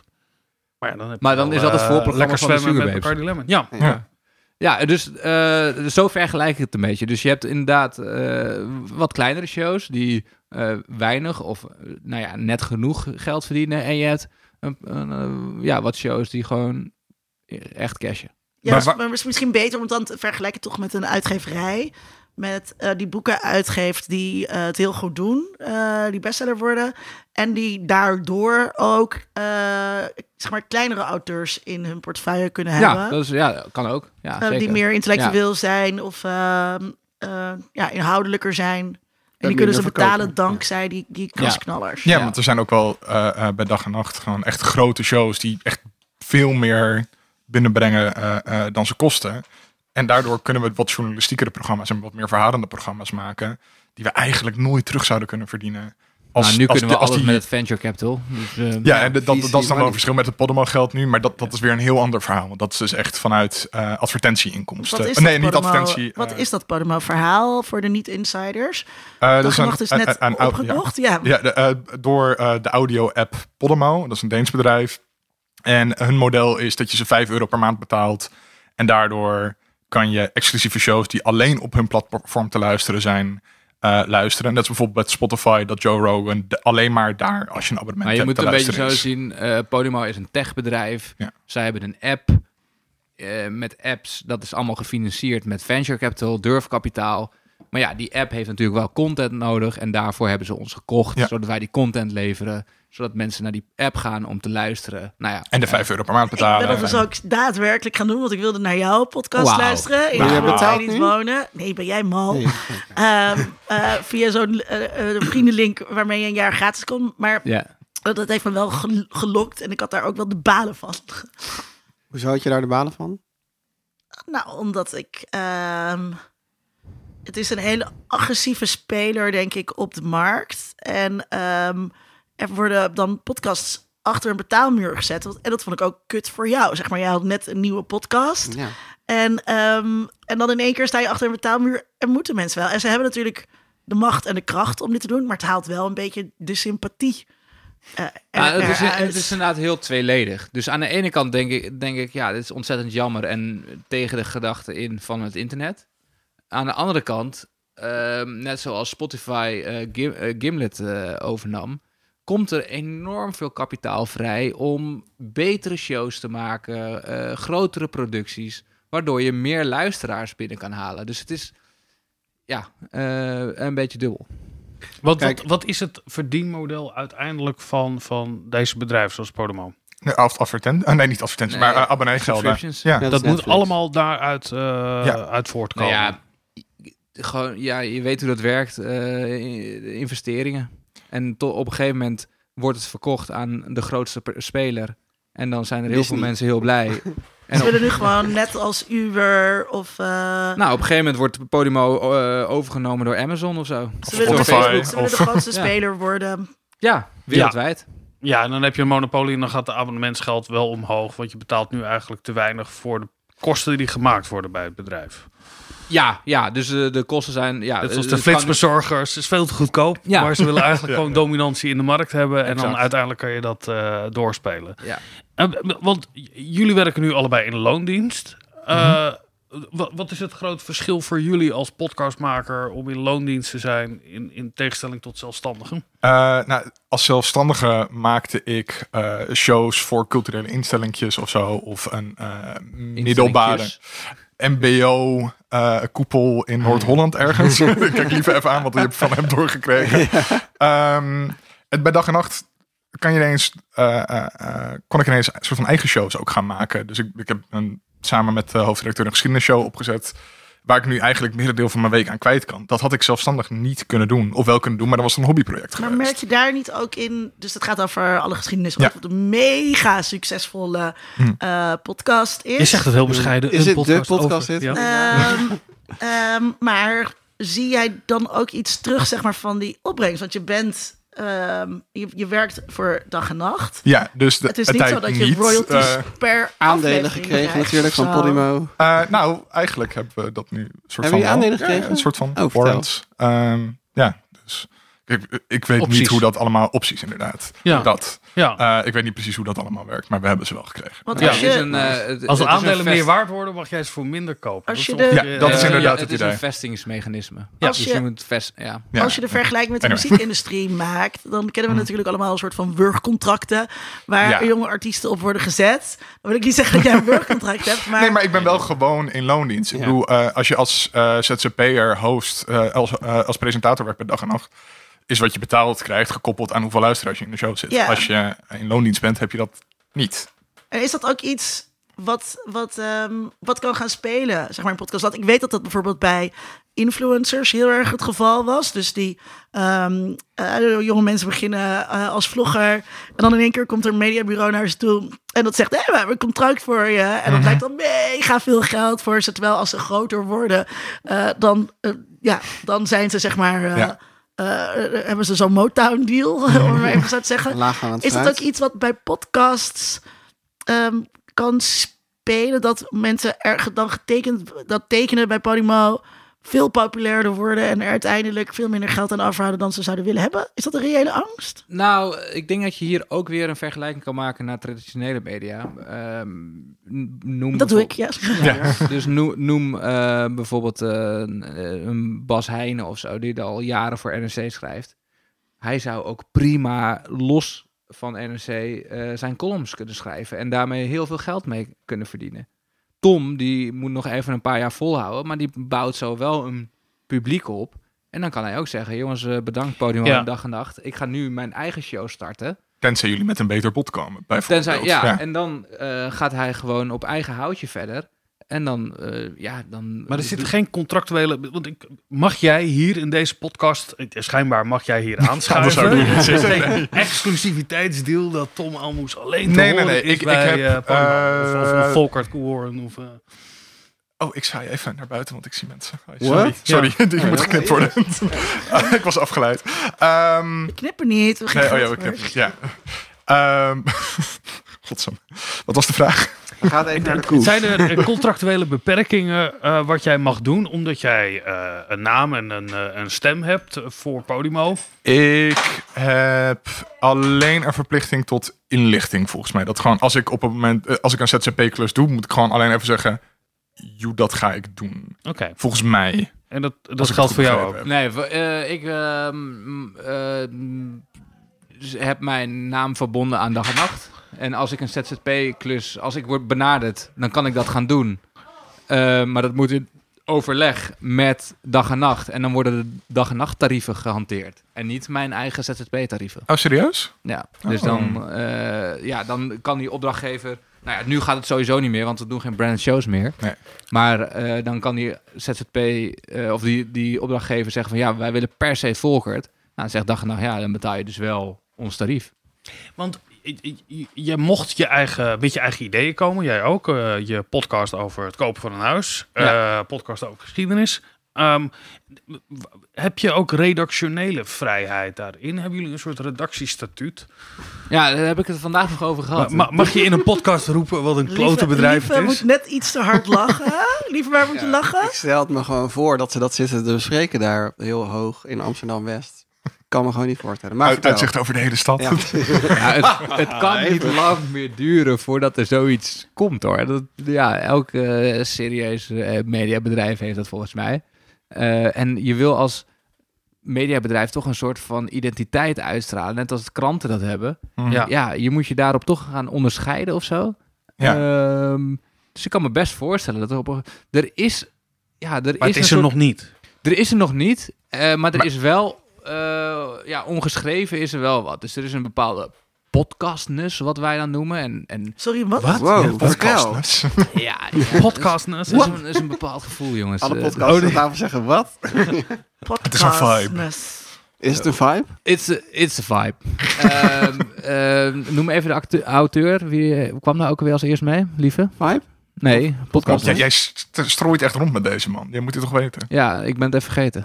Nou, Show notes. Show Show notes. notes.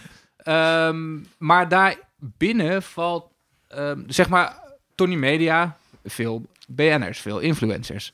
Eh, dag en nacht, veel, veel meer journalistiek en veel meer journalisten die zich verbinden aan het merk Dag en Nacht. De helft van onze redactie komt ook uit wat De journalistiek. traditionele journalistiek. Ja, ehm, dus ehm, er is dus wel. Kijk, wij, er komen heel, eh, dagelijks ideeën, podcast-ideeën bij ons in de mailbox. Ja, dan zeggen we, ja, dit past, niet, dit past niet bij dag en nacht. En dat is gewoon een gevoel wat wij hebben, maar dat staat niet in een statuut. En dat gaat ongetwijfeld nog een keer komen.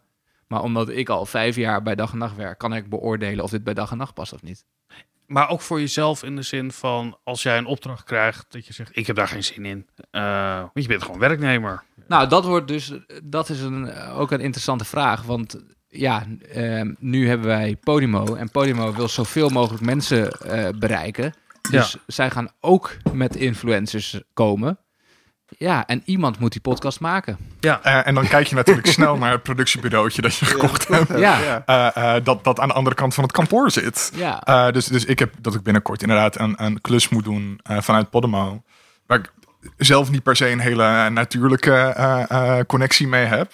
Maar ja, dat, dat is dan gewoon even een paar dagen in de week dat doorknallen. En daarna mag ik weer door met mijn geschiedenisshow. Dus op zich vind ik dat, dat dan wel waar. Dan, dan wel weer waar. Maar dat is toch hetzelfde als je ZZP'er bent Ja, en de hele tijd precies, voor allemaal ja. bedrijven werken waarvan je denkt, ja, ja, het geld moet ook verdiend worden ergens blijkbaar. Nee, maar Ja. het is wel anders dan een, een als journalist. eh, die heeft een bepaalde rol, of dat nou voor televisie of voor kranten is, of wat dan ook. Dat je niet gaat zeggen tegen een journalist bij, laten we zeggen, NRC.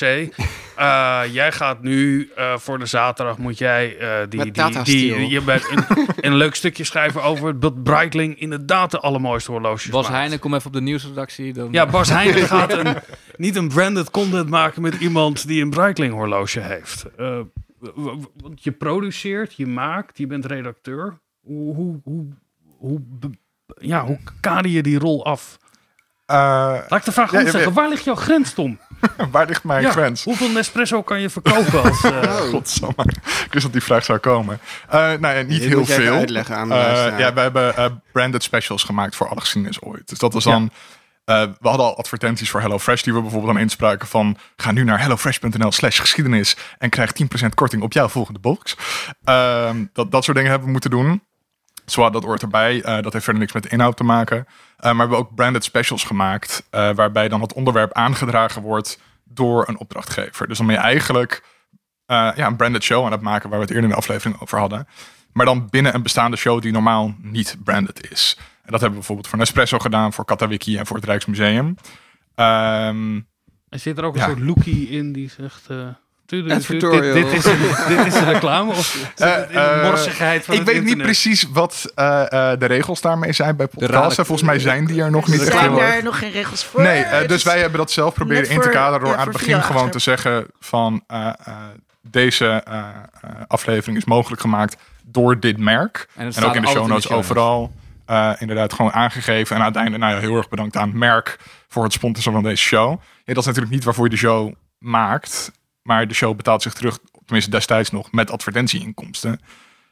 Ja, en ik, ik, heb toen met sommige merken wel moeite gehad eh, om, om een bepaalde lijn te trekken. En waren ook wel echt heen en weer van wat mag dan wel en niet in de show. En waar trekt die grens? En omdat nog een best jong medium is, denk ik dat we dat nog niet echt formeel ergens hebben. Dat die afspraken, die zijn er gewoon nog niet. Dus dat is gewoon best wel onduidelijk en gaat van geval tot geval. Je hoort het nu, je hoort het heel duidelijk, zeg maar. hè. Dus je hoort heel duidelijk het stukje waarin eh Botte en Ipe in de Eeuw van Amateur... of eh eh, Nidia en Marilotte bij eh Damn Honey eh, gaan zeggen... oh, nou, ik had een Hello Fresh box en Ja. wat hebben we deze week gekookt? Kant, ik heb weer En- een film gezien op Pikkel. En ehm, het verschil, denk ik, is ook dat het ehm, nu sowieso podcastmakers komen gewoon nog steeds heel erg als super sympathiek over. En dat heb je hierbij ook. Dus Ja. tenminste, eh, ik heb dat in ieder geval. Als ik dat dan zo luister, dan denk ik, ja, weet je wel, ik geloof niet echt dat Botte en Ipe zo'n fan zijn van Hello, Hello Fresh. maar ik gun het Botte en Ipe dat Hello Fresh hun wat geld geeft, zeg maar. En eh, je luistert daar met een heel ander oor naar, denk ik. Ja. Nou, en er ontstaat ook een soort van nieuwe vorm van advertenties. Als je dan weer een dag luistert, bijvoorbeeld van eh Gijs Groenteman en Marcel van Roosmalen. Zij nemen eigenlijk die adverteerder een beetje op de hak of zo. Dus ehm, normaal gesproken. Nou, Ipe, wat hebben we vandaag weer gedaan met Hello Ja, precies. Dus dat, dat hoor je ook een beetje terug bij eh, de Eeuw van Amateur. Maar ja, ehm, ik denk, ja, als, als adverteerder heb je ook wel lef of zo. Vind je dat dit eigenlijk erg, Vincent? Want je, want je hebt het over journalistieke onafhankelijkheid, maar eh, die, dit zijn natuurlijk helemaal geen Nou, die, journalisten. die, die, die, die, ironische distantie, dat, dat markeert eigenlijk wat je Loekie de Leeuw vroeger op televisie had. We gaan nu reclame maken. En ik ben het heel erg met je eens dat je zegt, er zit een soort sym- sympathie, weet je wel. Die mensen maken een podcast en dat is toch, heeft een heel erg zolderkamer. doen ze al heel lang, Ja, willen ze ook wel een keertje romantiek. geld voor krijgen. Ja, en dan denk je, ja, god, dat, dat, dat gun ik die mensen wel. Ik vind het wel eh, zorgelijker worden op het moment dat je. Eh, dat er inhoudelijk ook bemoeienis gaat Mhm. komen als het over politiek meer gevoelige thema's gaat. Ehm, als je Maar dat een- gaat dan over journalistieke podcast zoals... nou, ja, als je een, een programma over duurzaamheid hebt en je gaat vertellen over hoe Shell fantastisch is, als je een soort greenwashing-achtige verhalen gaat vertellen, bijvoorbeeld, dan denk ik, en dit is een concreet voorbeeld, dan denk ik, ja, daar zou ik toch wel moeite mee hebben om daar eh, aan mee te werken. Maar dat is nu dus bijvoorbeeld bij zo'n podcast als eh, Above the Radar, Below... Nee, Blow the radar above the yourself. Radar yourself. Eh, er alleen maar aan het einde hoor je, zeg maar, eh, dit programma wordt gefinancierd door het ministerie van Defensie. Ja, en dat kennen we natuurlijk uit, eh, ook, ook op televisie, weet je wel, dat kamp uh, Hupplepup eh, met allemaal eh, mariniers die rondrennen, wordt ook gewoon gesponsord door Ja. eh, het ministerie. Ehm, Allemaal dezelfde marketingcampagne. Ja. ze, veel zijn geld. ze, heel- ze hebben heel veel Ja. geld. ja, en ook heel Dat van onze belastingcenten. Luister vooral naar onze aflevering van Onder Mediadoctoren over defensie in de media. Eh, ja, die echt twee weken voor de oorlog in Oekraïne hebben opgenomen. Dus dat hadden we iets later moeten doen. Ehm, Poetin had wel ons even kunnen bellen. Ehm, ja, vind ik het een probleem? Ja, ik vind het geen probleem op het moment dat het duidelijk aangegeven wordt dat daar eh, dat een, dus een niet. mededeling is. Als dat niet zo is, Maar net als op YouTube. podcast is een mededeling. Ja, ik vind, ja, maar er zit nog verschil in, content. in een programma maken over mariniers. Wat je aan het einde zegt, dit wordt mede betaald door. Of dat je een item of een, een, een, een segment koopt in een uitzending. Dat vind ik ook nog een groot Maar verschil. dat gebeurt bijna niet. Volgens mij gebeurt dat Ja, eigenlijk helemaal Gebeurt niet. wel. Ja. Alleen minder. Want Maar dat een makers hebben zelf ook deze bedenkingen bij jullie. Maar dat je dat echt... Demo dat, die dat, denkt dat, heel goed na over welke merken gaan wij steunen. Want we hebben een achterban die heel kritisch is, omdat ze naar ons luisteren. En maar dat er een heel segment... Dus oké, we gaan nu een blokje lang hebben over...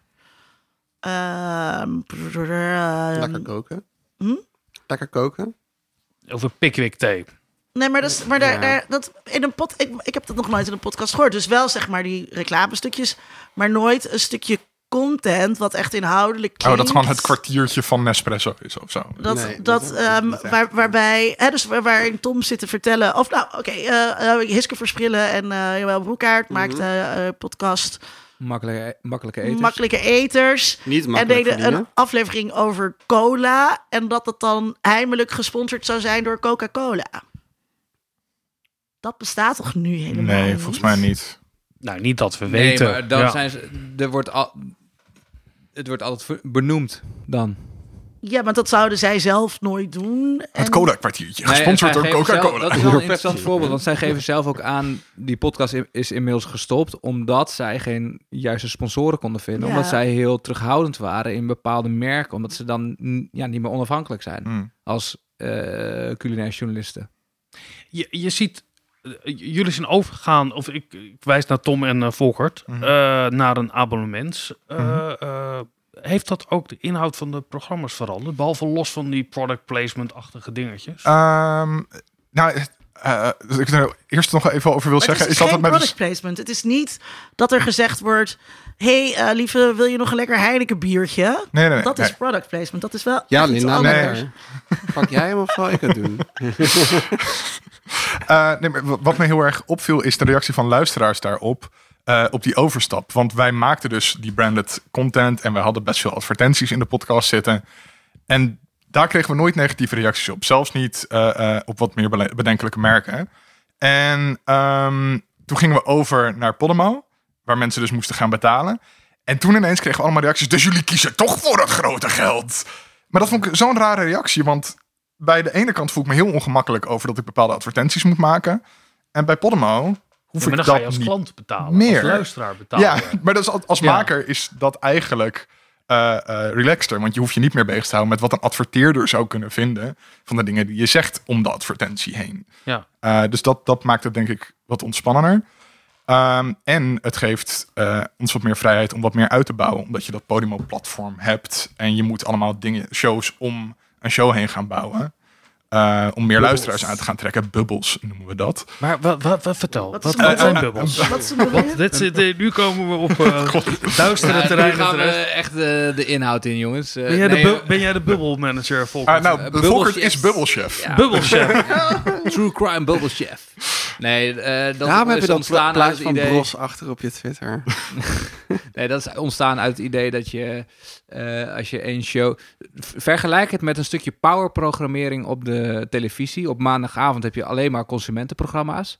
Eh, van de, de ene programma eh, kijk je zo door naar de andere. Nou ja, als jij heel erg fan van true crime bent...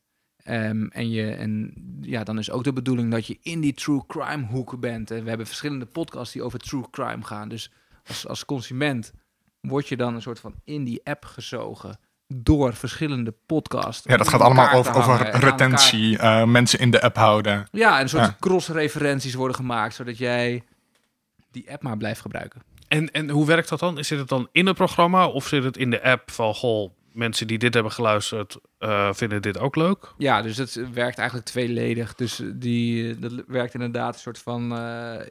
ja, in, in die- die layout van die app wordt op die manier ingericht. Maar ook ja, dat er on-in shows gerefereerd wordt aan andere shows. En als je, want jullie weten waarschijnlijk ook wel iets over hoe die app functioneert en wat je dan eigenlijk zou moeten bereiken. Moet je langere eh, programma's eh, maken of, of korter? Of, of Daar is We- nog weet je daar ook meer voor, van? Denk ik. Ja, want de, de, de- is nu wat drie maanden in Nederland. Zoiets, ja. Ja, dus ik denk dat ik, dat is niet iets wat ik weet over hoe, hoe je. Dat we een soort van algoritmisch de inhoud van de podcast aan het sturen zijn. En dat is ook Zoals Netflix fijne, dat bijvoorbeeld want, doet, eh. eh, maar jullie weten wel iets over hoeveel afleveringen iemand moet luisteren om abonnee te blijven, bijvoorbeeld. Ehm, nee, of is dat nog allemaal. dat is nog eh, toch vroeg. Omdat die, ja, die, die data wordt pas relevanter naarmate de tijd verstrijkt. Dus nu Ja. heeft iedereen een gratis abonnement. Ja, Ja, Dus dat- ik heb een gratis abonnement Ja. voor een een jaar. half jaar wordt een heel spannend moment. Want dan eh, lopen al die gratis abonnementjes af. Ja, wie gaat er een betaald abonnementje nemen en eh, wie zegt hem op? Ja, en dat is dus dan de uitdaging, eh, onder andere voor ons nu, om dan shows te gaan produceren die mensen blijkbaar willen gaan luisteren. ja, je Wel wil een idee voor kaas seizoen 2. Hebben jullie misschien... Nou, ja, eh, kan je 5000 mailen voor je adres. Zou jij bij bij, Podimo, bij hè? Podimo achter een betaalmuur willen zitten als onafhankelijk podcastmaker nu? Nou ja, die 30.000 euro dat wat het eerste seizoen kostte, dat heeft natuurlijk niemand betaald behalve ikzelf door mijn tijd erin te steken en ja, geld kan je nagaan wat die drie ton eh, die ik ben misgelopen met eh Ja, tien seizoenen onder meer inderdaad. wil maken? Nee, het was 500 voor een talkshow, dus 150 keer 500 of 161 en een af en toe een mislukte aflevering.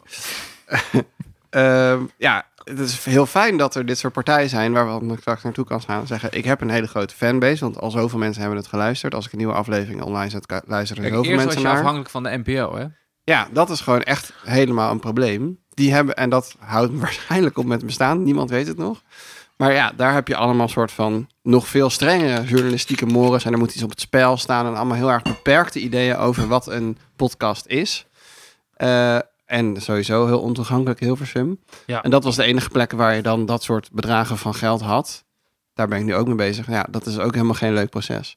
Dus ehm, ik zou dat zeker wel willen proberen. Want dan ben ik, word ik tenminste betaald als onafhankelijk Oh, ja, podcastmaker. Want als we, we hebben de overgang gezien naar al die eh, bedrijven die zijn opgekomen, zoals Tony Media, Dag en Nacht, wie hebben we nog meer? Eh, De stroom. die, Microphone Media. Die, die, Ja. Want we hadden eerst allemaal titeltjes, daarna kwamen bedrijven die die titeltjes binnenhaalden. En nu hebben we dan eh technobedrijven die daar weer boven gaan zitten. Eh, en waar gaat het heen, Volkert? Hoe zie je de eh, ontwikkelingen over een half jaar als de podcast, of als de app niet meer gratis is? Ehm, Ik denk dat je lange tijd Podimo als eh, eh, ja, een soort van, eh, hoe zeg je dat? Het grootste marktaandeel heeft in Nederland in ieder geval. Ehm, en dan gaat het steeds verder uitbreiden. Dus, dus Zuid-Amerika zijn ze bezig, Engeland zijn ze bezig. Nou, Kopenhagen of Denemarken komen ze vandaan, Duitsland. Zeg maar, zij zijn er gewoon als eerste bij. Dat is super slim, omdat iedereen dan die app als eerst gaan, gaat gebruiken. à la Netflix. ja. Ehm, ja, en dan zullen er meer kapers eh, op de kust zijn. Er is nog een andere gigant uit eh, Scandinavië, Podme. Die zit ook niet te slapen. En, En nog een andere. Scandinavische gigant. Spotify inderdaad. Nou ja, dus De Scandinaviërs komen voor je podcast. Wat gaat, eh, wat, wat gaat waardevol zijn, zeg maar? Dus jij maakt nu een podcast, Alle Geschiedenis Ooit. Mhm. Dat is een heel leuk eh, format. Eh, je hebt een format, je hebt een RSS-feed Mhm. waarop mensen zich geabonneerd hebben, eh, waar heel veel geld in zit. Eh, je hebt ook jullie als presentatoren. Waar zit de waarde? Wat, wat maakt jouw podcast waardevol? Eh, ik, ik denk dat je die drie bijna niet uit elkaar kan halen. Ehm, maar je ziet wel bijvoorbeeld met formats. Ja, Podimo heeft gewoon internationaal veel formats eh, en verhalen liggen die ze kunnen gaan vertalen nu.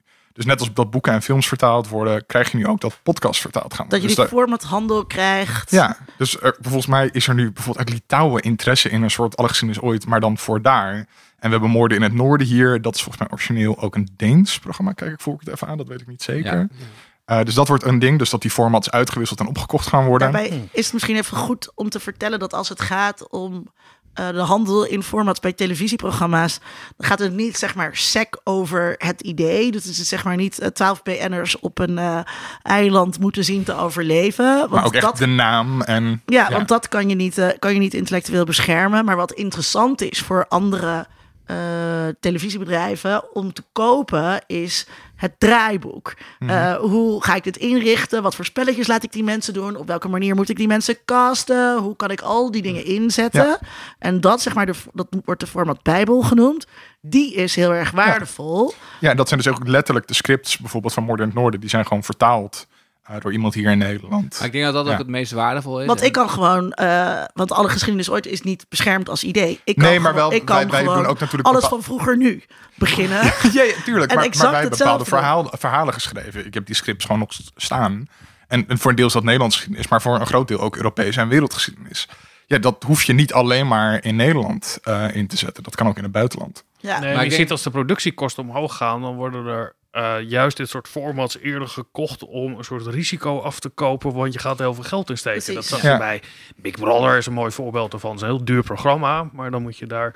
En als jij geen conceptontwikkeling hoeft te doen, dat, dat scheelt ook geld natuurlijk. En eh, die RSS-feed is dus eh, geld waard. Dus dat wil zeggen, een aantal mensen heeft zich geabonneerd op jullie kanaal. Mhm. Ook als daar niks op verschijnt, is dat kanaal waardevol. Ja, omdat je Wordt toch een notificatie... Gaat daar gehandeld worden? Dat durf ik echt niet te zeggen. Daar wordt dat, dat, ja, daar wordt ja, wel wordt er gehandeld. Serieus? Ja. Oh, dat wist ik helemaal niet, joh. Eh, bijvoorbeeld eh podcasts die een transfer maken. eh, NPO-podcasts die naar commerciële bedrijven gaan. Eh, NPO is daar wat stellig in. Of vice versa. Commerciële podcasts die naar NPO gaan. Ja, dan moet die feed overgegeven worden. Je- Kijk bijvoorbeeld naar ehm, Radio Romano. Dat was eerst De krokante de leesmap. krokante leesmap. De krokante leesmap zat bij de NPO. Ehm, hele leuke show. Die makers die zijn allemaal voor het grote geld gegaan. Dus die zitten nu bij Podimo. Mochten de feed niet meenemen. Want die feed was niet van hun. De feed was niet van hun. De, en de titel dus ook niet. Dus hebben ze een nieuwe feed bij Podimo gekregen. En dat heet nu Radio Romano. Maar Dus ze doen precies Maar ze hetzelfde. doen precies Dus ik hetzelfde. kan ook de feed van onder mediadoctoren verkopen, bijvoorbeeld aan de hoogste bieder. Ja, Ja, het is ook logisch, want je kan direct in iemands telefoon eigenlijk, hè, Ja. met al die abonnees. Dus dat dat waardevol is, kan ik me wel iets bij voorstellen. Ja, en ook, ook als dag, dag en nacht hebben we dat ook wel eens gedaan. Dat gewoon een vergelijkbare show in een dode feed die we niet meer gebruik hadden van een ge- vergelijkbaar programma. eh, eh, dat daar dan iets nieuws in gezet wordt. Voor Chef, die feed heet nu het laatste avondmaal. En daar staan die twee programma's staan daar onder elkaar in. Ja, En in Nederland zelf, waar, waar, waar zie jij de, de, de, waar zijn de ontwikkelingen, de groeigebieden? Wat, wat, wat gaat er gebeuren met podcast, lieve? Nou, het is natuurlijk heel erg belangrijk. Dat is bij alle streamingplatforms nu ook. Dus dat is een makkelijk toekomstbeeld. Wat voor content staat er achter dat muurtje? Want er is gewoon zoveel aanbod wat gewoon nog gratis is. En wat door overheidsinstanties wordt gemaakt wat bijna net zo leuk is. Ja, hoe, hoeveel gaan ze investeren in wat er achter dat muurtje komt? En dan gaan mensen pas echt betalen voor zo'n app. Ik heb, ik had Spotify, dat heb ik toen opgezegd omdat ik alleen maar podcast luisterde. En nu zit ik in een familieabonnement. Eh, en ik had geen Netflix. Het eerste streamingabonnement dat ik ooit heb genomen is HBO Max. Eén, omdat het heel goedkoop Hier was. Twee, omdat ik, ja, omdat ik Oh. heel graag al die content daar wil zien. Ja, Want de rest boeit me dan ben je wel zo. echt uitzonderlijk. in. Ik ben echt een Ja. snop, soort van.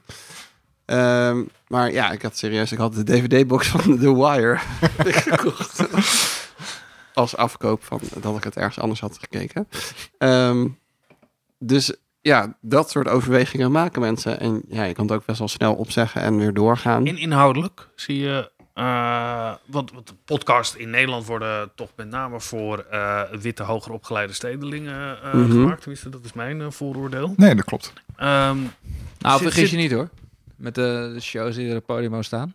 ja, juist ook in Amerika is ook... eh, eh, Black podcasting Black is podcasting, ja, is echt een mega ding. ja, maar ook heel stedelijk. Eh, Dat weet ik niet. Kunnen we spreken van rural podcast? Ja, precies.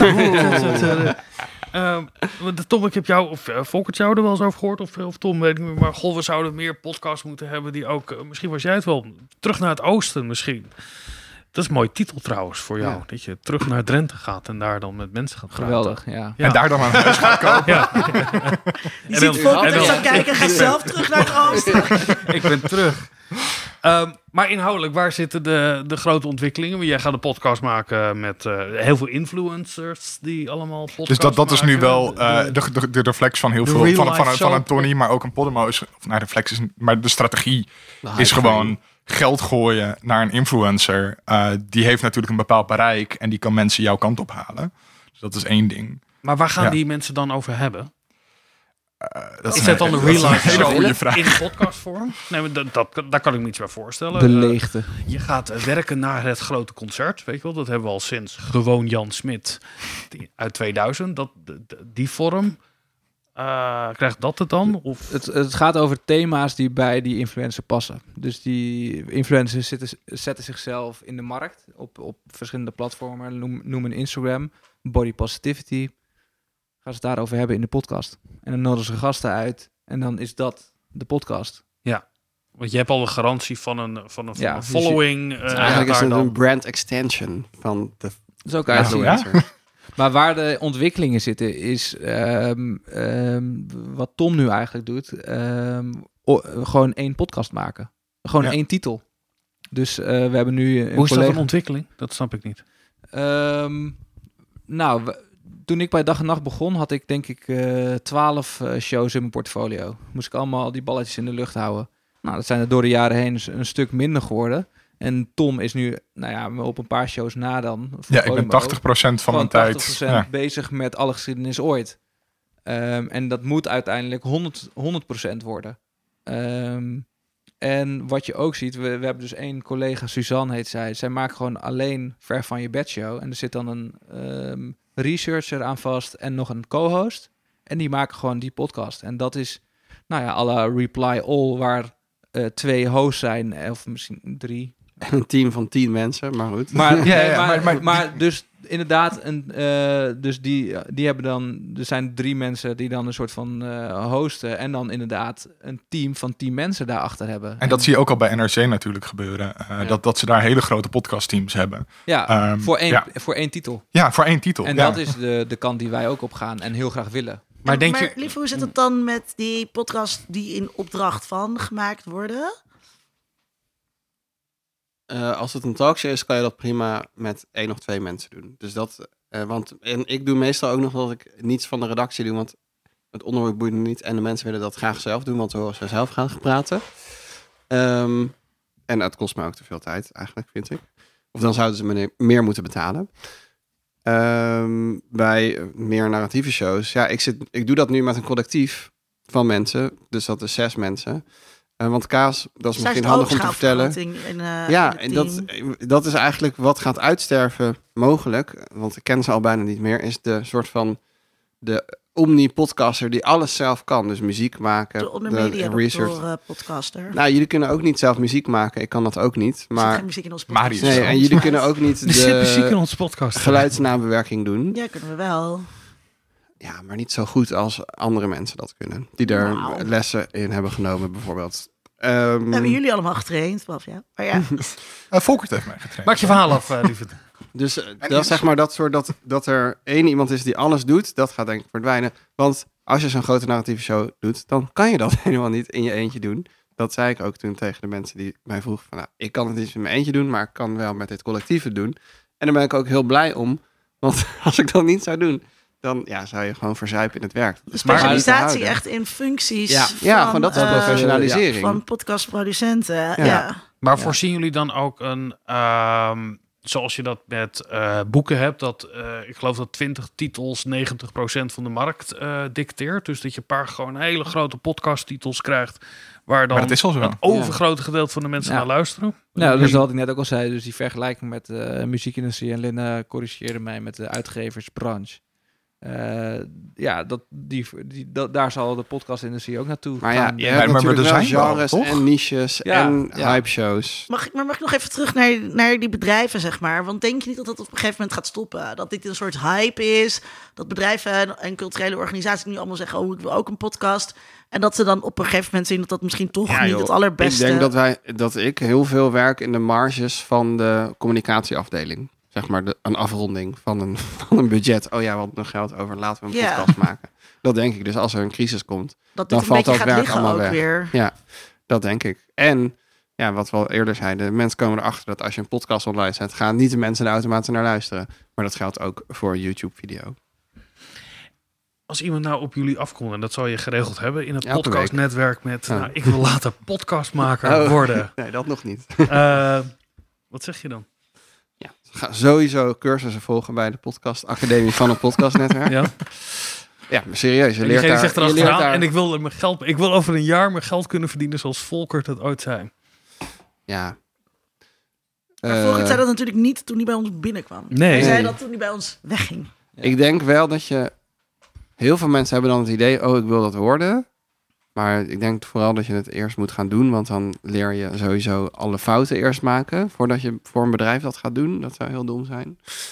Ehm, en eigenlijk zou ik zeggen, ga eerst maar eens even heel veel luisteren. Net als dat als je filmstudies gaat doen, moet je eerst heel veel films kijken. Want dat valt mij dus heel erg op. Ik was in april op een festival in Oostende. Dat was door de standaard georganiseerd. En daar was gewoon een zaal vol met mensen die wilden beginnen met podcasten. Hele leuke show door mensen gemaakt met allemaal voorbeelden van podcasts. En toen gingen ze, nou, we doen even een testje. Eh, iedereen die dit kent, steek je hand op. En dan liet ze de serial tune horen. Nou, dat hoor je binnen twee seconden. Dus ik zo, hup. Zes andere mensen in een zaal met 200 mensen die hun hand opstaken. Ja. Dus het zit- is gewoon- zit niet Je moet een repertoire kennen. corporate Ja, kennis, ja. ja. Luister Dus eerst naar nou dingen. van Ja. En ga dan kijken, oh, daar ga ik dingen van nemen. Dat doen alle NPO-shows trouwens ook. Die zijn Hmm. allemaal kopieën. En alle andere shows. Eh, dat, wat ik zelf doe, is ook heel erg beïnvloed door Radio Ja, en als je 99% nu instapt, heb je Invisible. 15 jaar podcastgeschiedenis. Hè? Dat Ja. is te overzien. Dat is, Ja, eh, dus ja. ga eerst luisteren, zou ik zeggen. Ja, en, maar, maar ook gewoon, ga gewoon zelf open op GarageBand gewoon een keertje gratis software van Apple voor als je een Mac hebt, maar dus ook allemaal gratis software eh, voor Windows PC's. Podcast maken is niet technisch heel moeilijk, maar je moet het wel gewoon een beetje in de vingers hebben. En alleen dat al helpt gigantisch om ergens een voet tussen de deur te krijgen en gewoon te Ja. zitten van, ik kan een editje voor jullie doen. Dat, dat is al genoeg. Er zijn genoeg freelance editors die, die werk kunnen krijgen. Ehm, Ja, en ga Ja. maar eens een half uurtje vol praten in die microfoon. Ja. Dat is eh, moeilijker Ja, dan en dan- jullie zijn, alle, jullie, eh, eh, jullie zijn binnengekomen omdat je technische vaardigheden had opgedaan. eh, Mhm. eh, en en Nee. vanuit een technische vaardigheid meer een Waar redactionele... binnengekomen? Nee, nou binnengekomen bij ons of binnengekomen bij, bij, Dag en pa- Nacht? Ja, bij dag en Ja. nacht. Nou, Nee. technisch, maar ook wij, wij wisten gewoon al hoe het medium werkte. Ja. Jullie wisten wat podcasten was op ja. het moment dat bijna niemand daar Ja. iets van wist. Ja, en ehm, De vibe daar was hebben wij een hele grote vo- voorsprong mee gehad. En Ja. dat ligt hem deels in het technische aspect, maar ook deels in vertelvormen en nou ja, eh, noem het maar allemaal op. Format, ehm, eh, ja, een bepaalde... Uber- maar ik denk ook überhaupt er wel eens over nagedacht hebben. Ik gaf laatst een, Ja, ehm, een, ja. een, een workshop podcasting 101 eh, aan de Universiteit Leiden. En eh, ik- ik denk dan, zo ingewikkeld is het allemaal niet. Maar dat komt ook omdat ik dit al jaren doe. Dus Ja. ik weet dat je een draaiboek moet hebben. Ik weet dat je moet nadenken over een format. Ik weet dat je moet nadenken over audiobewerking. En als je nog nooit een podcast gemaakt hebt, dan is dat inderdaad in één keer hele waardevolle kennis. Ehm, terwijl ja, als ik nu een workshop bloggen zou geven. Ehm, ja, dat kan eigenlijk trouwens ook nog wel, want dat zijn ook mensen die. dat moet je ook zeggen, ja, een stuk heeft een begin, een midden en een einde. Oh, zeggen mensen dan. Oh, structuur. Ja, in het midden zit ook nog een soort omslagpunt. Misschien Wauw. moet je ook wel altijd iemand hebben die je even het, eh, het voor de hand liggender vertelt of zo. Ja, ja, dat kunnen wij. Huur ons in voor Nee, praatjes. die kunnen veel meer dan dat natuurlijk. Maar eh, ik denk wel dat er een moment was eh, wat eh, ons kinders gegrepen hebben. Ja, Een momentum. Ja, zeker. Ja. En, en begrepen, want ja, dat, jullie zijn allemaal, hebben daar je weg in gevonden. Eh, Zullen we eh, gaan afsluiten met de, de- het antwoord geven op de vraag, zoals Oh we ja. dat al Ja. 163 Het keer gaat heel goed. We zitten namelijk op anderhalf Eh, uur, dus dat gaat top. Is dat, is dat te lang? Eh, Nee, nee, vind dus het goed, hè? Niet als je met vijf personen Eh, bent. Nee. Hoe wordt er geld verdiend eh, met podcast? Ik begin gewoon met, eh, met Linda, mijn vaste mede-media-doctor. Dat heb ik nog helemaal niet gezegd. Oh, ehm, ja, ik denk dat er geld verdiend wordt met podcasts eh, op, vers- op verschillende manieren. Ehm, er, zijn, ehm, eh, er is een enorm hype gaande. Er is niet alleen een moment gaande, er is ook een hype gaande. Daar wil iedereen op springen, ongeacht wat dat oplevert. Dat moment zal, gaan, eh, zal voorbij gaan. Eh, en dan eh, gaat, gaat de boel uitkristalliseren. Dus zitten nu een soort wilde westen. Het is heel onduidelijk ehm, wat, waar nou precies de waarde zit. Zit die bij de mensen zoals Volkert en Tom en Lieve die die kennis hebben? Of zit die ergens anders in die RSS-feed of in het format? Dat gaat zich nu uitkristalliseren en dat is een super spannend moment. Dus ehm, eh, dat, ik, dat, is, dat is een strijd die eh, gaande gaat zijn. En ik denk dat die over een jaar vijf à tien beslecht is. En dan gaan we dus ook zien dat een heleboel van die kleine spelers van de markt geduwd worden, denk ik. Eh, dus het zal ook een plus Grote worden om, eh, shake-out, om ja. onder mediadoctoren in die zin eh, te blijven maken. Eh, of ook weer niet, omdat we dat dus Nee. gratis doen. Ehm, eh, maar dat, gaat dat, dat gaat dat veld gaat zich uitkristalliseren. En dat is mega spannend en interessant voor ons als mediawetenschappers. eh, maar ook voor ons als een soort van de... de hoe OG. zeg je dat? eh, De OG, nou ja, maar we hebben natuurlijk wel, we zijn er super trots op dat we, nou ja, Lief is natuurlijk nooit eh, eh, eh, vrijwilliger geweest, maar altijd wel nou Supporter betrokken van de show. eh, erbij Nabij. als uh, voormalige verkering van mij. Eh, dat, dat je ziet dat zo'n lichting jonge mensen ehm, dit eh, wel allemaal grote spelers zijn geworden. Volkert. Shout-out ook naar Iris en Marius.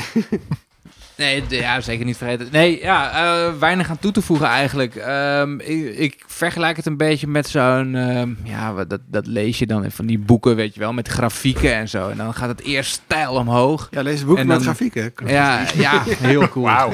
Boeken, boeken ook. Ja, Ja, ja, sowieso. Sla ze eens open. Lettertjes. Er zat een boel in. Een wereld gaat voor je Ja. open. Maar dan, dan, ja, dan podcast. zo'n stijgende lijn omhoog. En dat zwakt dan een beetje af. En dan op een gegeven moment daalt het weer ook net zo hard. Nou, wij zitten nu nog steeds... ehm, ja, die stijgende lijn, die echt stijgende lijn, die, eh, die zijn we nu wel gepasseerd. Ik denk dat het nu iets af, afzwakt. Eh, maar nog steeds groeiende. Eh, en zeker met de komst van dat eh, ja, venture capital... eh, ja, is er nog van alles mogelijk. Lieve?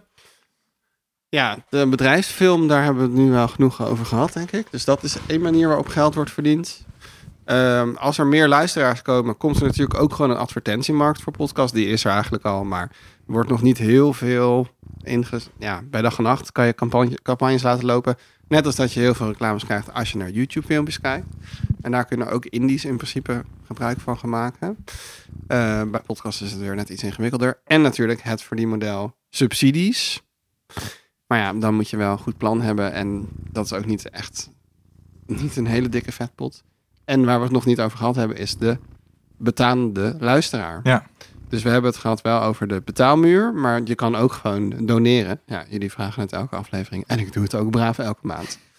Eh, maar ik geef makkelijk, omdat ik het ook zakelijk kan aftrekken, 50 euro uit per maand aan eh podcasts die ik steun. Omdat ik vind dat het belangrijk is dat zij een beetje geld krijgen voor wat ik luister. Ehm, Wat Dus- ja, en Wil merchandise. je ook? Gaan we straks uitgebreid doen. Tom, heb jij Ja, nog nee, een maar eh, ik- aanvulling over de Ja, want ik, ik denk dat, wat- op, terugkomend op wat Linda net zei over dat kleine makers er toch uitgeduwd gaan worden. Ik denk dat als je bijvoorbeeld naar eh, YouTube kijkt, wat een, denk ik vergelijkbare dynamiek heeft als medium, dat je daar ook wel ziet dat kleine en middelgrote makers toch nog wel wat aan inkomsten kunnen krijgen. Dus ik denk niet dat die weggeduwd gaat worden, maar ja, dat zijn gewoon mensen die dat als hobbyproject ernaast kunnen doen, misschien net de kosten kunnen dekken. En daar blijft denk ik ook wel eh, plek voor, omdat het een open medium toch wel enigszins blijft. Ja. En Dus die gaan wel kan een ook plek gewoon waardevolle content leveren voor, Ja. je, voor je luisteraars op de allerkleinste niche, zeg maar. En dat, het, maar, en dat is ook ehm, eh, eh, in zekere zin oké. Dus eh, ik eh, kan er zo over nadenken zoals jij deed met kaas. Met van oké, wat kost het me allemaal? En dan, ehm, maar ik heb bij heel veel dingen die ik doe in mijn werk... dat ik sommige dingen gratis doe en die leveren dan weer iets anders op. Of ik doe dingen gratis omdat ik het heel erg leuk vind om te doen. Dus dat is natuurlijk sowieso... zit het bij mij in ieder geval wel in de aard van mijn werk... En werken dingen ook samen. Ik heb ook wel eens betaalde klussen gehaald uit eh, afleveringen die we voor onder Mediadokter hebben gemaakt. Het is ook op een andere manier kijken naar wat ja, en je hebt ook zijn. credibility. Ik bedoel, eh, mensen zijn heel erg jaloers op hoeveel naar kaas wordt geluisterd. Dan, als ik dat tegen klanten zeg, zeggen ze, wow, echt heel veel luisteraars. Want dat hebben zij niet aan het begin, omdat ze niet zo'n leuk onderwerp hebben. En we vergeten nog een heel belangrijk verdienmodel. Merchandise en de theatershow. Ah, Ja. ja. Oh ja. ja. op locatie. Ja. Nou, moeten we ook weer eens over gaan nadenken. Wat eh, denk en, jij, eh, Vincent? Ehm, nou, ik zat ineens te denken aan eh, het Blair Witch Project. Je op een gegeven moment, de, de, de, de- want dat doe ik gewoon wel eens. En toen had je het idee dat iedereen met zijn videocamera, die kon Hmm. ook gewoon een speelfilm maken. Eh, als je maar een goed script had en een goed verhaal, dan kon je je eigen film maken. Toen kreeg je Dat ook zo'n een marketingleugen van Blair Witch? ja, maar 100%. dat idee was er wel. En ook dat je, eh, en dat zou ook een soort weet je wel, een soort totale democratisering van de film opleveren. Nou, we zitten nu met die, met die afschuwelijke eh, big budget eh, Marvel films, wat natuurlijk precies het tegenovergestelde is. En ik denk dat dat bij podcast ook gaat gebeuren. Ik denk dat je daar hele grote titels gaat krijgen, zoals je die op Netflix ook ziet. Maar dat daaronder nog een heel eh, eh, brede wereld is van allemaal eh, ja, indie pop. Ik vond jouw vergelijking over muziek. Ja, eh, we zitten hier meer in Amsterdam. Er is vast ergens een theatertje nu of een, een bar waar iemand op zijn gitaar heel lelijk staat te zingen voor 100 euro. Eh, Eh, maar ook hier eh, twee kilometer verderop in de Ziggo Dome staat iemand voor heel veel geld te zingen. We hebben het helemaal niet gehad over curatie, want dat blijft nog steeds, denk ik wel, een soort van Ja. ding dat open ligt. Er, is, er, wordt, er wordt wel eens wat in kranten geschreven nu tegenwoordig over podcast, eh, waarbij ik het altijd mega irritant vind dat dan, weet je, de, de geëikte dingen eh, Oh get- God. getip, getipt worden. En ehm, die mensen die dingen recenseren luisteren altijd twee of drie afleveringen van de serie en hebben dan ja, ineens Een een mening. over En- de hele serie. En ehm, eh, de podcast-apps zelf zijn daar ook nog steeds heel ongeschikt voor.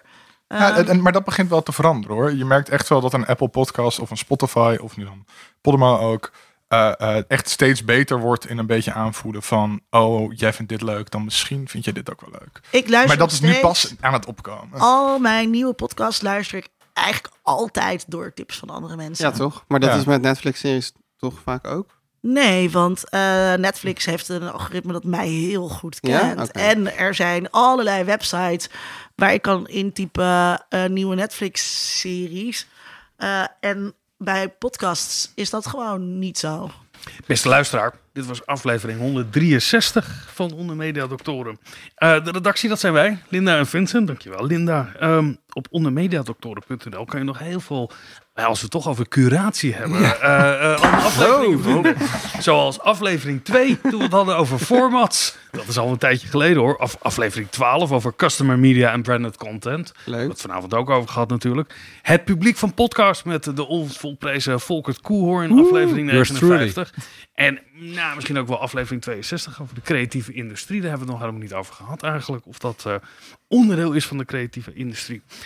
En nu komen we op het punt waar eigenlijk deze... Dit is gewoon branded content voor onszelf eigenlijk. Namelijk, wil je ons steunen? content. Word dan Patreon eh, of eh, vriend van de show. Eh, Matthijs van Listonk, heel veel dank daarvoor. En iedereen die ons altijd daarbij steunt. Ehm, je kan ook via de website een eenmalige donatie doen. Gewoon zoals Lieve doet, gewoon 50 euro, gewoon bam. Weet je Nee, nee, ik ben echt ik 50 ben euro per maand aan verschillende podcasts. Oh ja. En Nou 1 ja. euro daarvan Maar gaat als je naar nou denkt, ik heb je net is naar even geluisterd. onze- Ik wil er gewoon in één keer van af zijn. Kan je gewoon Lieve is 50 even euro. onze Patreons. Als je niet van Patreon houdt, kan het ook via Vriend van de Show. Nou ja.